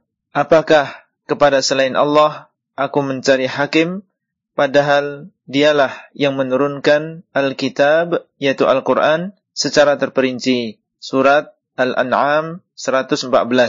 Yang ketiga, Kitabullah artinya kitab Allah. Allah SWT berfirman, innal ladzina yatluna kitaballahi wa aqamus salata wa anfaqu mimma razaqnahum sirran wa alaniyah yarjuna tijaratan lan tabur. Sesungguhnya orang-orang yang membaca kitabullah dan mendirikan salat dan berinfak dari sebagian harta yang kami rezekikan kepadanya baik dalam keadaan sembunyi maupun terang-terangan mereka mengharapkan perdagangan yang tidak akan rugi. Fatir 29. Yang keempat, Al-Furqan, artinya yang membedakan, karena dia membedakan yang benar dengan yang batil, membedakan petunjuk dan kesesatan, membedakan yang halal dan yang haram. Allah SWT berfirman, Tabarakalladzi nazzala al-furqana ala abdihi liyakuna lil alamina nadhira. Sungguh berbarokah zat yang telah menurunkan Al-Furqan yaitu Al-Quran kepada hambanya supaya memberi peringatan kepada seluruh alam. Al-Furqan ayat pertama. Yang kelima, Ad-Dhikru. Ada yang mengatakan artinya adalah peringatan karena di dalamnya ada peringatan dan nasihat dan ada yang mengatakan artinya adalah penyebutan karena di dalam Al-Quran disebutkan banyak permasalahan dan dalil-dalil yang jelas. Allah SWT berfirman, Inna nahnu nazzalna dzikra wa inna lahu lahafidhun. Sesungguhnya kamilah yang telah menurunkan az-zikru yaitu Al-Quran dan sesungguhnya kamilah yang menjaganya. Al-Hijr ayat 9. Yang keenam di antara nama-nama Al-Quran adalah hablullah artinya tali Allah. Dinamakan demikian karena dia menyampaikan kepada ridha Allah. Allah SWT berfirman, "Wa'tasimu bihablillahi jami'an wa la tafarraqu. Dan hendaklah kalian semua berpegang teguh dengan hablullah yaitu Al-Qur'an dan janganlah kalian saling berpecah belah. Surat Ali Imran 103.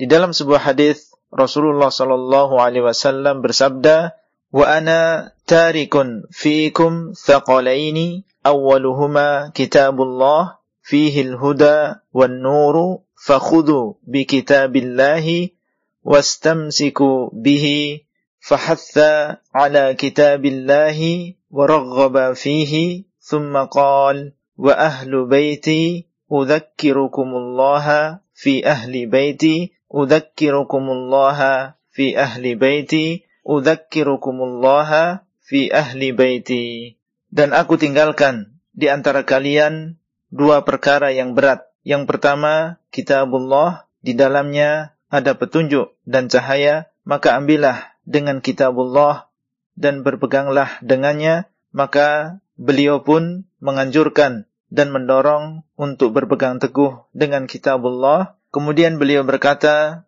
dan keluargaku aku ingatkan kalian kepada Allah tentang keluargaku, aku ingatkan kalian kepada Allah tentang keluargaku, aku ingatkan kalian kepada Allah tentang keluargaku. Hadis riwayat Muslim.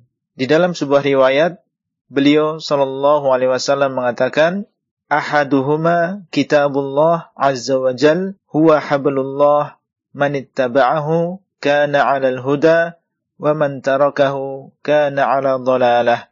Yang pertama di antara keduanya adalah kitabullah. Dia adalah hablullah. Barang siapa yang mengikutinya maka dia di atas petunjuk. Dan barang siapa yang meninggalkannya maka dia di atas kesesatan. Itulah yang bisa kita sampaikan pada halakwah kali ini. Dan sampai bertemu kembali pada halakwah selanjutnya.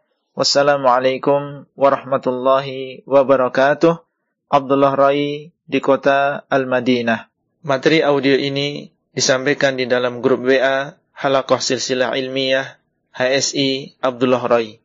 Assalamualaikum warahmatullahi wabarakatuh. Alhamdulillah wassalatu wassalamu ala Rasulillah wa ala alihi wa sahbihi ajma'in. Halaqah yang ke-18 dari silsilah ilmiah beriman dengan kitab-kitab Allah adalah tentang kitab Al-Quran bagian yang keempat.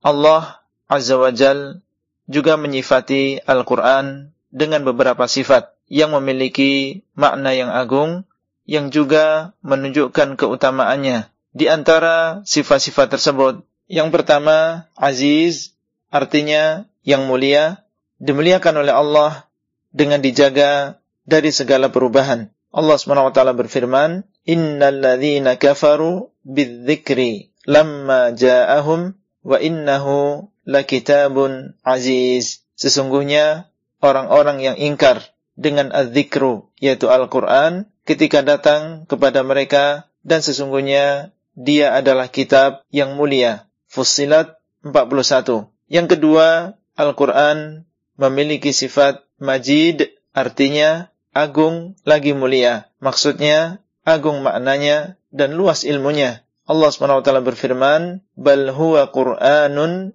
majid. Bahkan, dia adalah Al-Quran yang agung. Al-Buruj 21. Yang ketiga, karimun. Artinya mulia, lagi banyak manfaatnya, besar kebaikannya, dan dalam ilmunya. Allah SWT berfirman, Innahu laqur'anun karim. Sesungguhnya dia adalah Al-Quran yang mulia.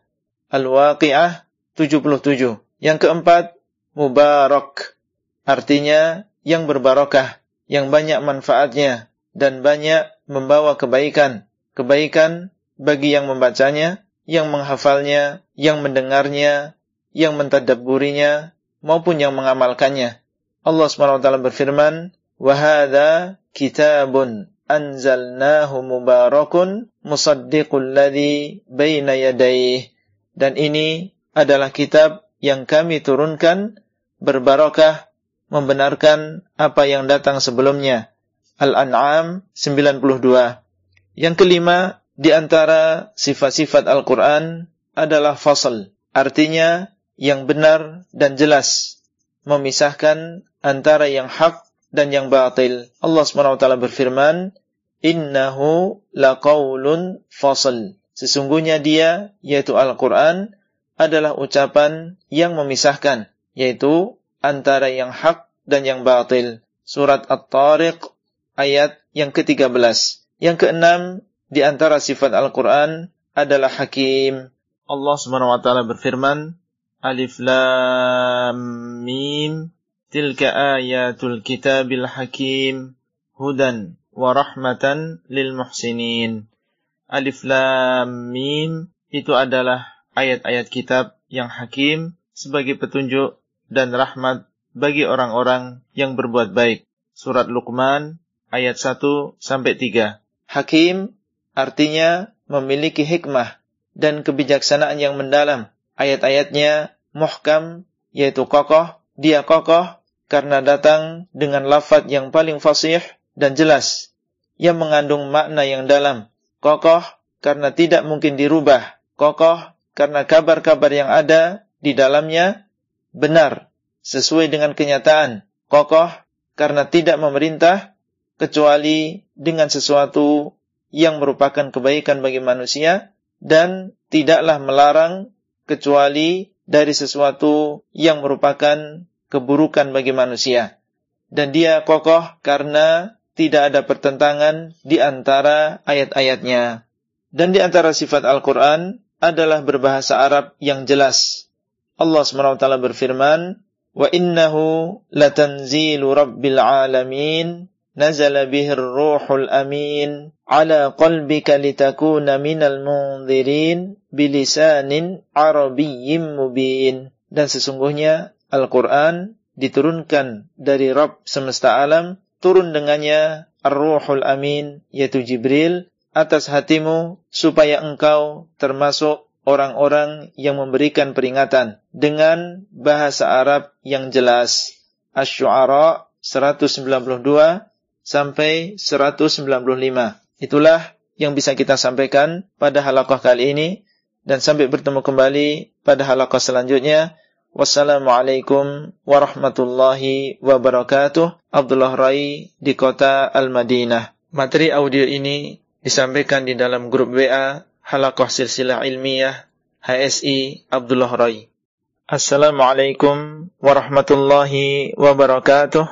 Alhamdulillah wassalatu wassalamu ala Rasulillah wa ala alihi wa sahbihi ajma'in. Halakoh yang ke-19 dari silsilah ilmiah beriman dengan kitab-kitab Allah adalah tentang kitab Al-Quran bagian yang kelima Sebagian nama-nama dan sifat-sifat Al-Quran yang telah berlalu menunjukkan tentang kedudukan dan keutamaan Al-Quran. Oleh karena itu, hendaklah seorang Muslim bersyukur kepada Allah yang telah menurunkan Al-Quran kepada kita. Dan di antara cara bersyukurnya adalah dengan menunaikan hak-hak Al-Quran. Dan di antara hak-hak Al-Quran, yang pertama, membacanya dengan tartil. Allah SWT berfirman, "Warattilil Qur'ana tartila." Dan hendaklah engkau mentartil Al-Qur'an dengan sebenar-benar tartil. Al-Muzammil ayat yang keempat. Mentartil artinya membaca dengan pelan, dengan membaca huruf-hurufnya dengan baik dan dengan memperhatikan tempat-tempat wakaf atau berhentinya, panjang pendeknya, sebagaimana dahulu Nabi Shallallahu Alaihi Wasallam membacanya. Rasulullah Shallallahu Alaihi Wasallam bersabda, "Al-mahiru bil Qur'ani ma'as safaratil kiramil bararah, walladhi yaqra'ul Qur'ana wa yatata'ta' fihi wa huwa alaihi syaqqun lahu ajran." Orang yang mahir membaca Al-Qur'an bersama malaikat-malaikat yang mulia lagi baik dan orang yang membaca Al-Quran sedangkan dia masih terbata-bata ketika membacanya dan susah baginya, maka dia mendapatkan dua pahala. Hadis riwayat Bukhari dan Muslim. Dua pahala tersebut maksudnya adalah pahala membaca Al-Quran dan pahala kesulitan yang dia alami. Hendaknya seorang muslim dan muslimah mempelajari ilmu tajwid dari seorang guru yang mumpuni dengan niat supaya bisa membaca Al-Quran tersebut sebagaimana dibaca oleh Rasulullah Sallallahu Alaihi Wasallam dan mempraktekannya dengan sering membaca Al-Quran sehingga semakin mahir dia di dalam membaca Al-Quran. Dan di dalam sebuah hadis Rasulullah Sallallahu Alaihi Wasallam bersabda, "Khairukum man ta'allama al-Qur'ana wa 'allamah." Sebaik-baik kalian adalah yang mempelajari Al-Quran dan mengajarkannya. Hadis riwayat Bukhari. Dan di antara hak Al-Quran adalah menghafalnya. Menghafal seluruh Al-Quran bukanlah sebuah fardu ain bagi seorang muslim. Yang wajib adalah menghafal yang dengannya sah salatnya. Namun tentunya sebuah kemuliaan tersendiri bagi seorang muslim dan muslimah ketika Allah memilih kalbunya di antara sekian banyak kalbu untuk menghafal Al-Quran. Kalamullah Rabbul Alamin. Membacanya kapan dia kehendaki. Dan semakin banyak dia menghafal, tentunya semakin utama. Allah SWT berfirman, Bal huwa ayatum bayyinatun fi suduril utul ilma wa ma yajhadu bi ayatina illa zalimun. Bahkan dia adalah ayat-ayat yang jelas di dalam dada-dada orang-orang yang diberi ilmu dan tidak mengingkari ayat-ayat kami kecuali orang-orang yang zalim. Al-Ankabut 49. Dan hendaklah seorang yang menghafal Al-Quran memurajaah atau mengulang-ulang terus apa yang sudah dia hafal. Rasulullah sallallahu alaihi wasallam bersabda, "Ta'ahadu hadzal Qur'ana fawalladhi nafsu Muhammadin biyadihi lahuwa ashaddu tafallutan minal ibili fi uquliha.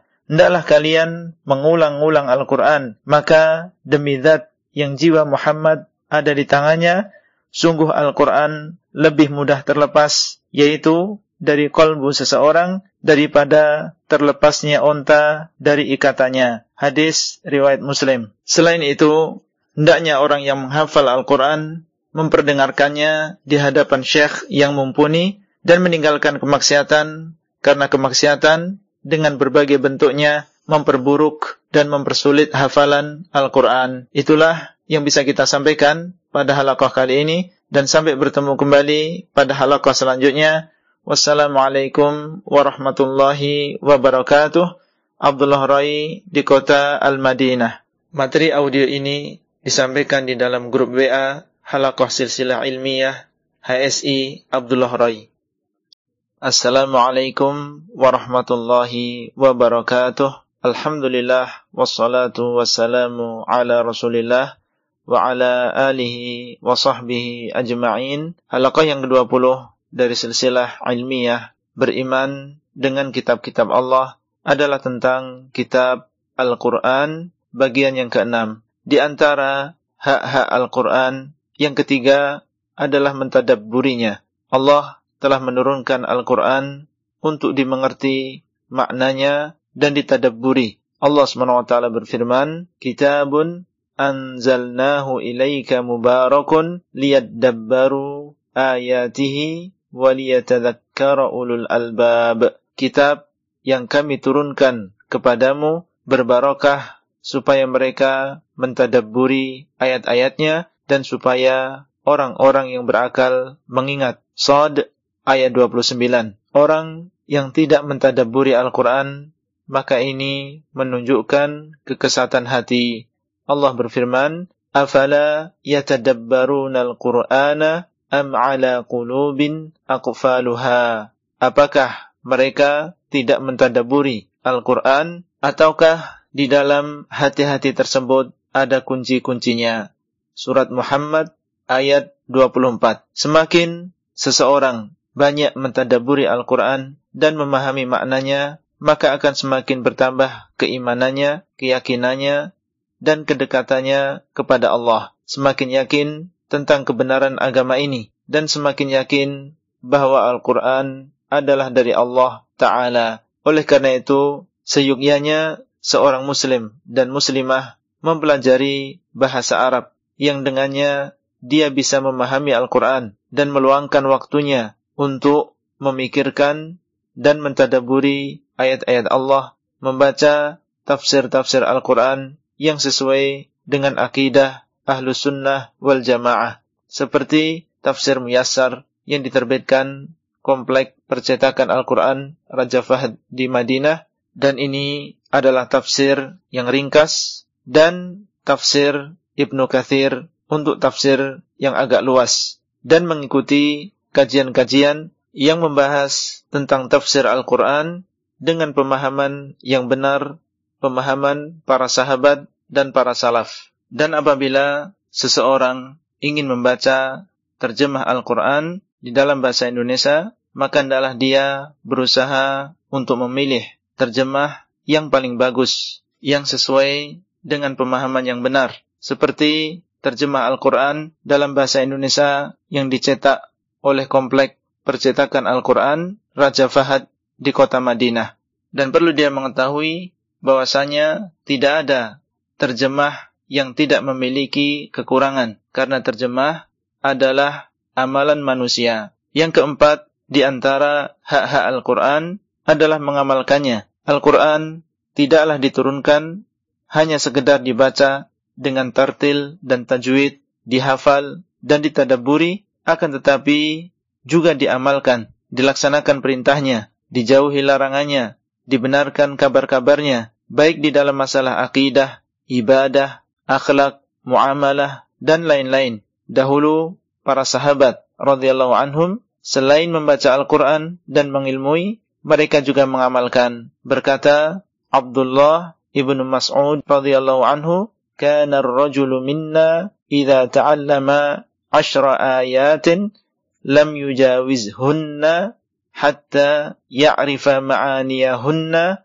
wal amala bihin. Dahulu seseorang dari kalangan kami yaitu para sahabat apabila mempelajari 10 ayat maka dia tidak meninggalkannya sehingga mempelajari maknanya dan beramal dengannya. Kalau kita tidak mengamalkan Al-Quran, maka Al-Quran bisa menjadi hujah atas kita. Rasulullah sallallahu alaihi wasallam bersabda, "Wal Qur'anu hujjatun laka aw 'alaik." Dan Al-Qur'an menjadi hujah untukmu atau atasmu. Hadis riwayat Muslim. Menjadi hujah untukmu yaitu apabila kita amalkan, maka bisa bermanfaat bagi kita di hari kiamat. Menjadi hujah atasmu yaitu apabila tidak kita amalkan, maka akan memudarati kita di hari kiamat. Kita memohon kepada Allah Azza wa Jal, semoga Allah menjadikan kita termasuk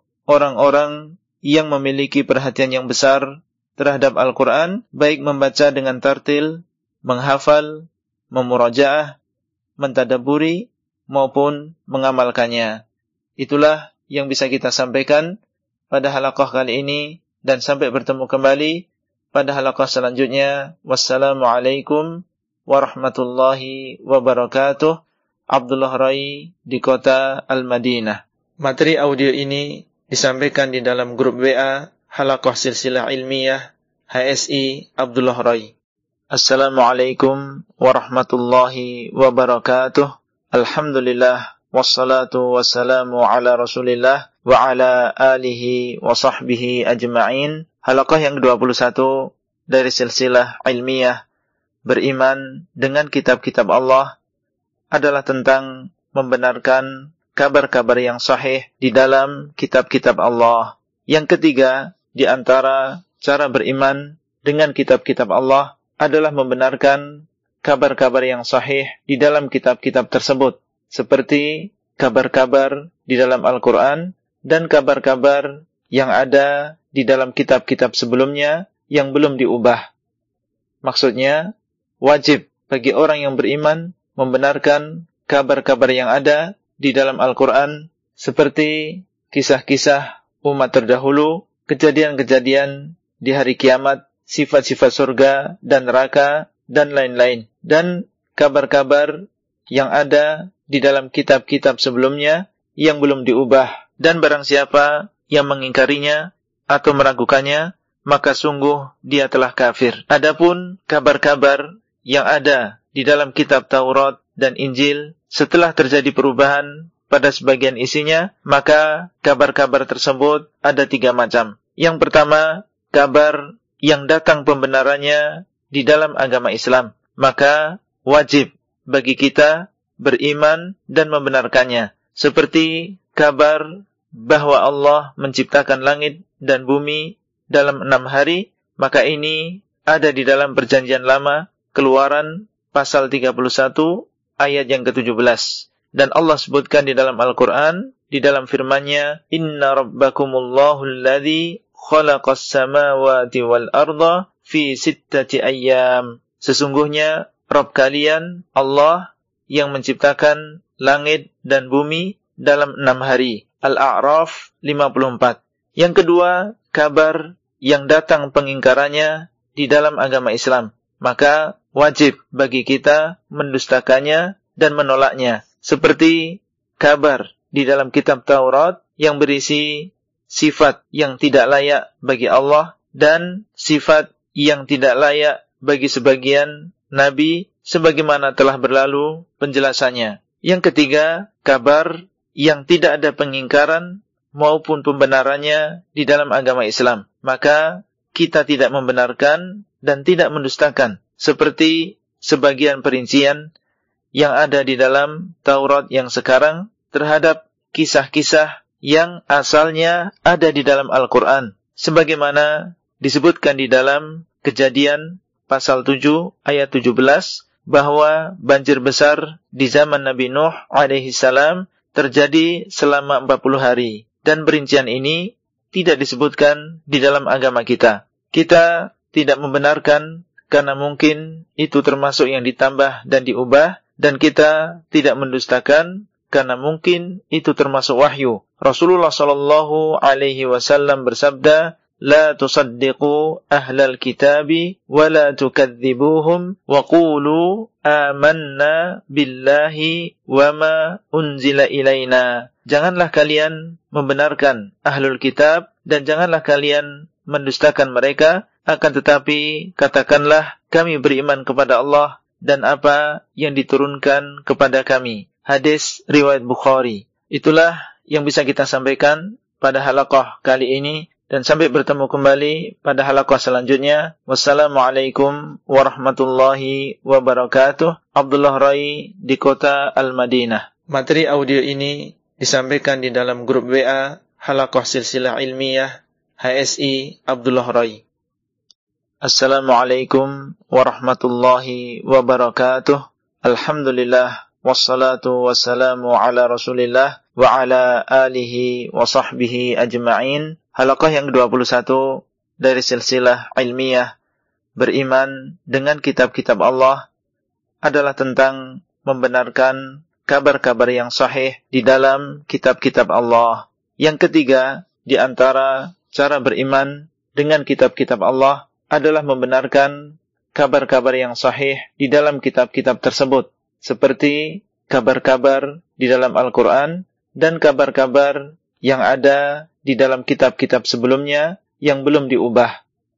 Maksudnya, wajib bagi orang yang beriman membenarkan kabar-kabar yang ada di dalam Al-Quran seperti kisah-kisah umat terdahulu, kejadian-kejadian di hari kiamat, sifat-sifat surga dan neraka dan lain-lain dan kabar-kabar yang ada di dalam kitab-kitab sebelumnya yang belum diubah dan barang siapa yang mengingkarinya atau meragukannya maka sungguh dia telah kafir. Adapun kabar-kabar yang ada di dalam kitab Taurat dan Injil setelah terjadi perubahan pada sebagian isinya, maka kabar-kabar tersebut ada tiga macam. Yang pertama, kabar yang datang pembenarannya di dalam agama Islam, maka wajib bagi kita beriman dan membenarkannya. Seperti kabar bahwa Allah menciptakan langit dan bumi dalam enam hari, maka ini ada di dalam perjanjian lama,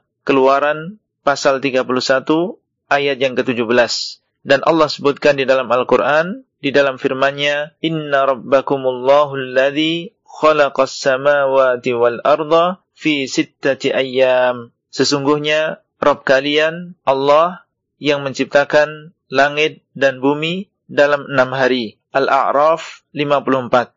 Yang kedua, kabar yang datang pengingkarannya di dalam agama Islam. Maka wajib bagi kita mendustakannya dan menolaknya. Seperti kabar di dalam kitab Taurat yang berisi sifat yang tidak layak bagi Allah dan sifat yang tidak layak bagi sebagian nabi sebagaimana telah berlalu penjelasannya. Yang ketiga, kabar yang tidak ada pengingkaran maupun pembenarannya di dalam agama Islam. Maka kita tidak membenarkan dan tidak mendustakan. Seperti sebagian perincian yang ada di dalam Taurat yang sekarang terhadap kisah-kisah yang asalnya ada di dalam Al-Quran. Sebagaimana disebutkan di dalam kejadian pasal 7 ayat 17 bahwa banjir besar di zaman Nabi Nuh alaihi salam terjadi selama 40 hari dan perincian ini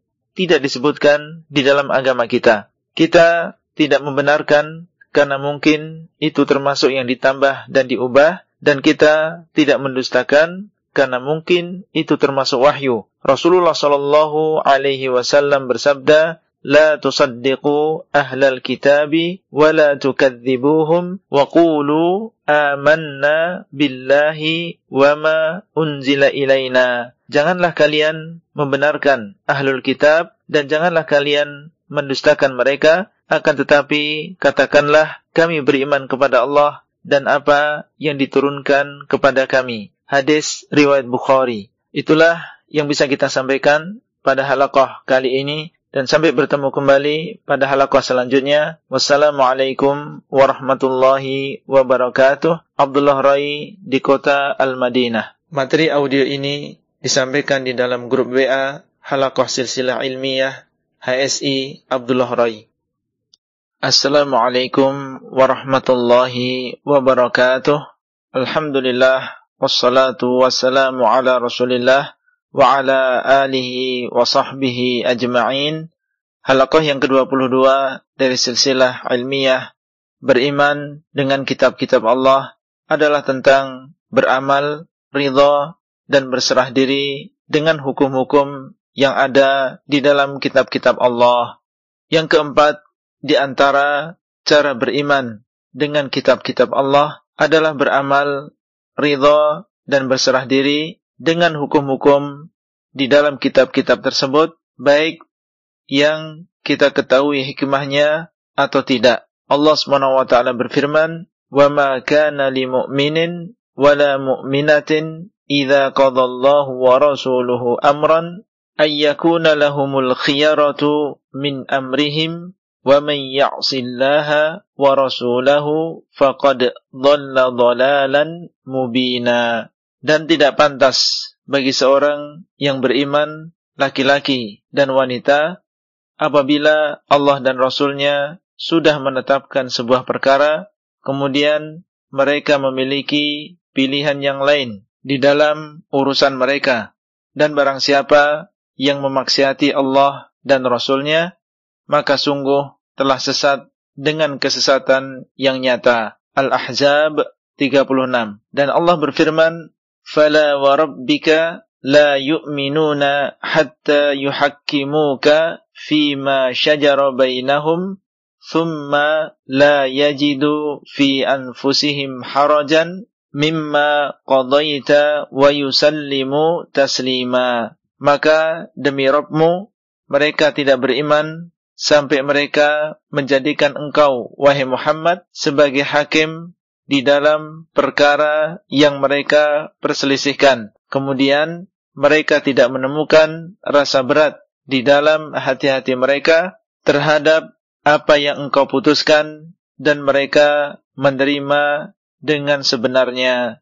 An-Nisa 65. Adapun hukum yang sudah dihapus maka tidak boleh diamalkan seperti iddah satu tahun penuh bagi wanita yang ditinggal mati suaminya sebagaimana di dalam surat Al-Baqarah ayat 240 maka telah dihapus dengan ayat 234 dari surat Al-Baqarah yang isinya bahwa iddah wanita yang ditinggal mati suaminya adalah 4 bulan 10 hari. Dan semua kitab yang terdahulu secara umum hukum-hukumnya telah dihapus dengan Al-Quran, artinya tidak boleh seorang pun, baik jin maupun manusia, mengamalkan hukum-hukum yang ada di dalam kitab-kitab sebelumnya setelah datangnya Al-Quran.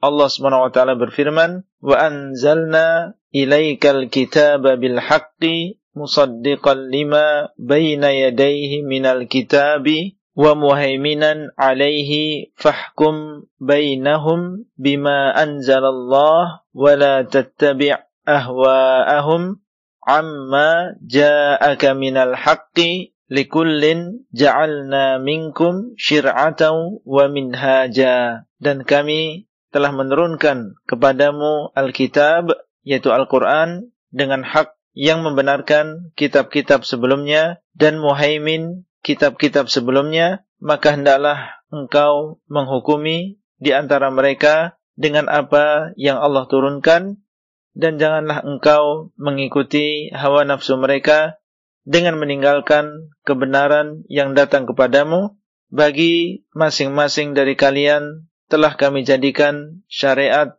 dan juga jalan. Al-Ma'idah 48.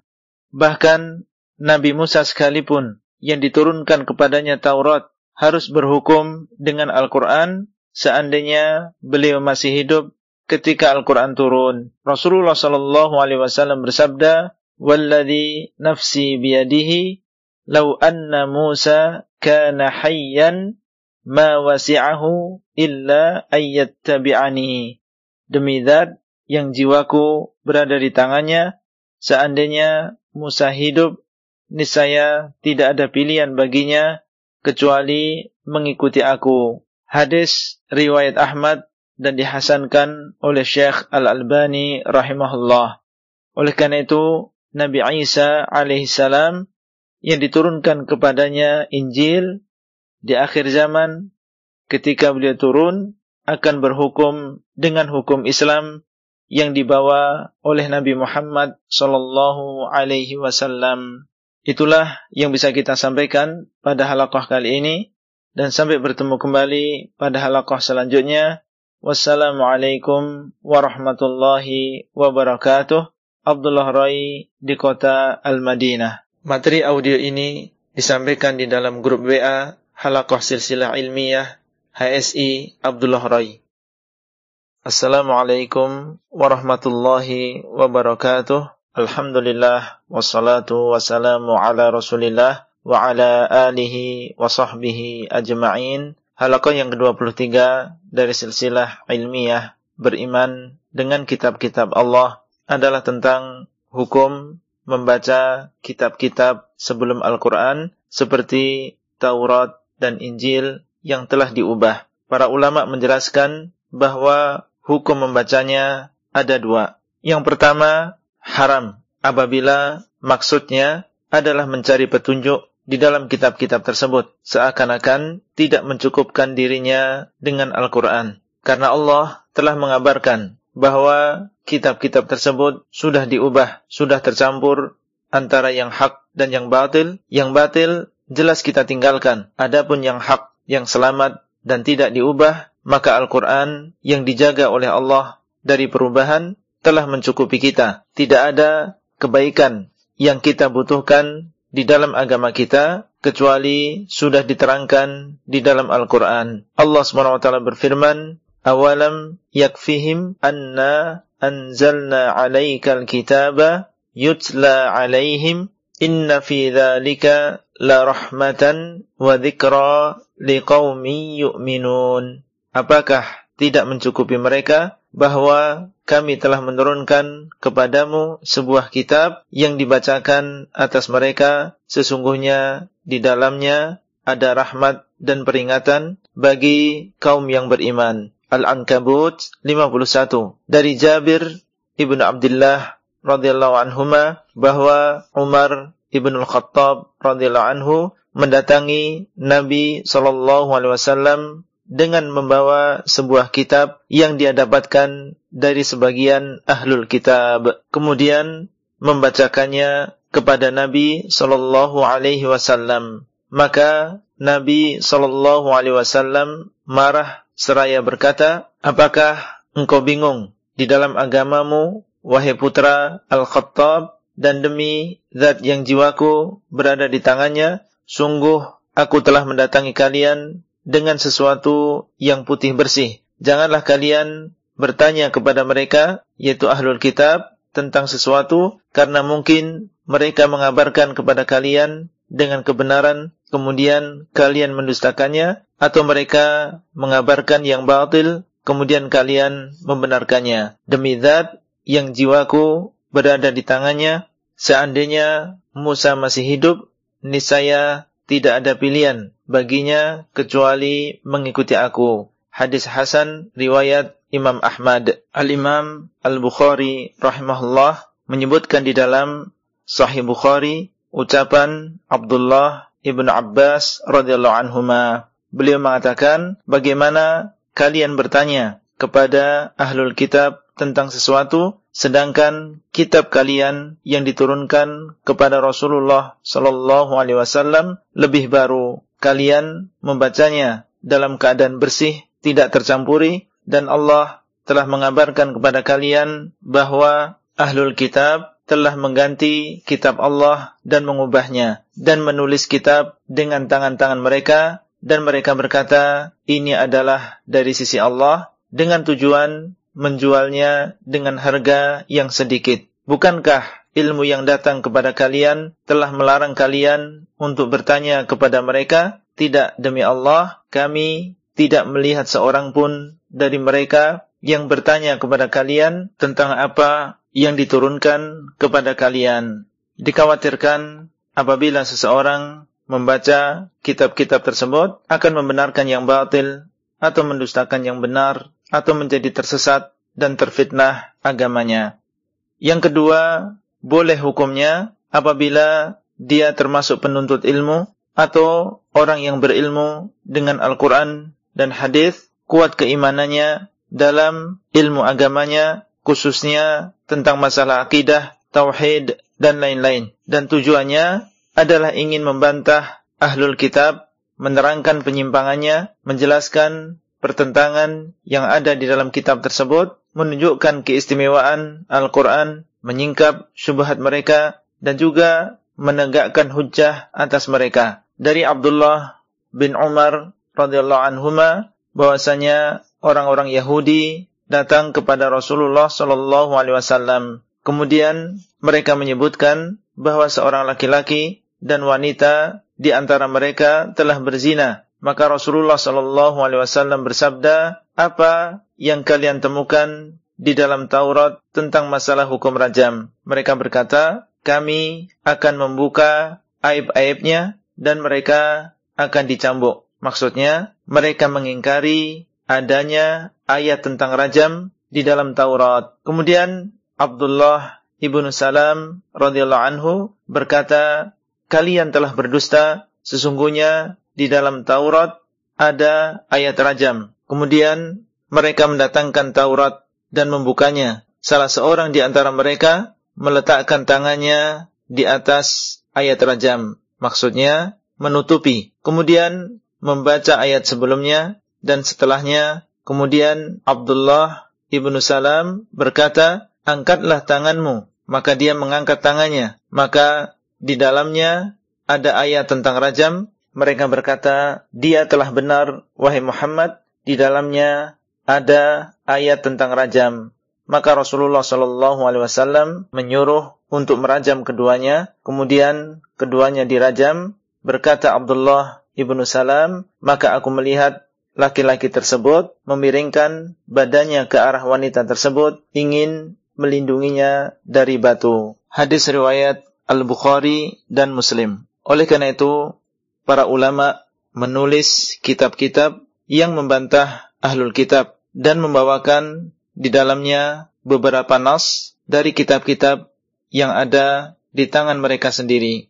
Seperti Ibnu Hazm di dalam kitabnya Al-Faslu fil Milali wal Ahwa'i wan Nihali dan Abu Abdullah Al-Qurtubi di dalam kitabnya Al-I'lamu bima fi dinin nasara minal fasadi wal awhami wa idharu mahasinil islami. Dan Syekhul Islam Ibnu Taimiyah di dalam kitabnya Al-Jawabus Sahihu liman baddala dinal masihi. Dan juga Ibnul Qayyim di dalam kitabnya Hidayatul Hayara fi ajwibatil Yahudi wan Nasara dan juga kitab-kitab yang lain. Itulah yang bisa kita sampaikan pada halaqah kali ini dan sampai bertemu kembali pada halaqah selanjutnya. Wassalamualaikum warahmatullahi wabarakatuh. Abdullah Rai di kota Al-Madinah. Materi audio ini disampaikan di dalam grup WA Halaqah Silsilah Ilmiah HSI Abdullah Rai.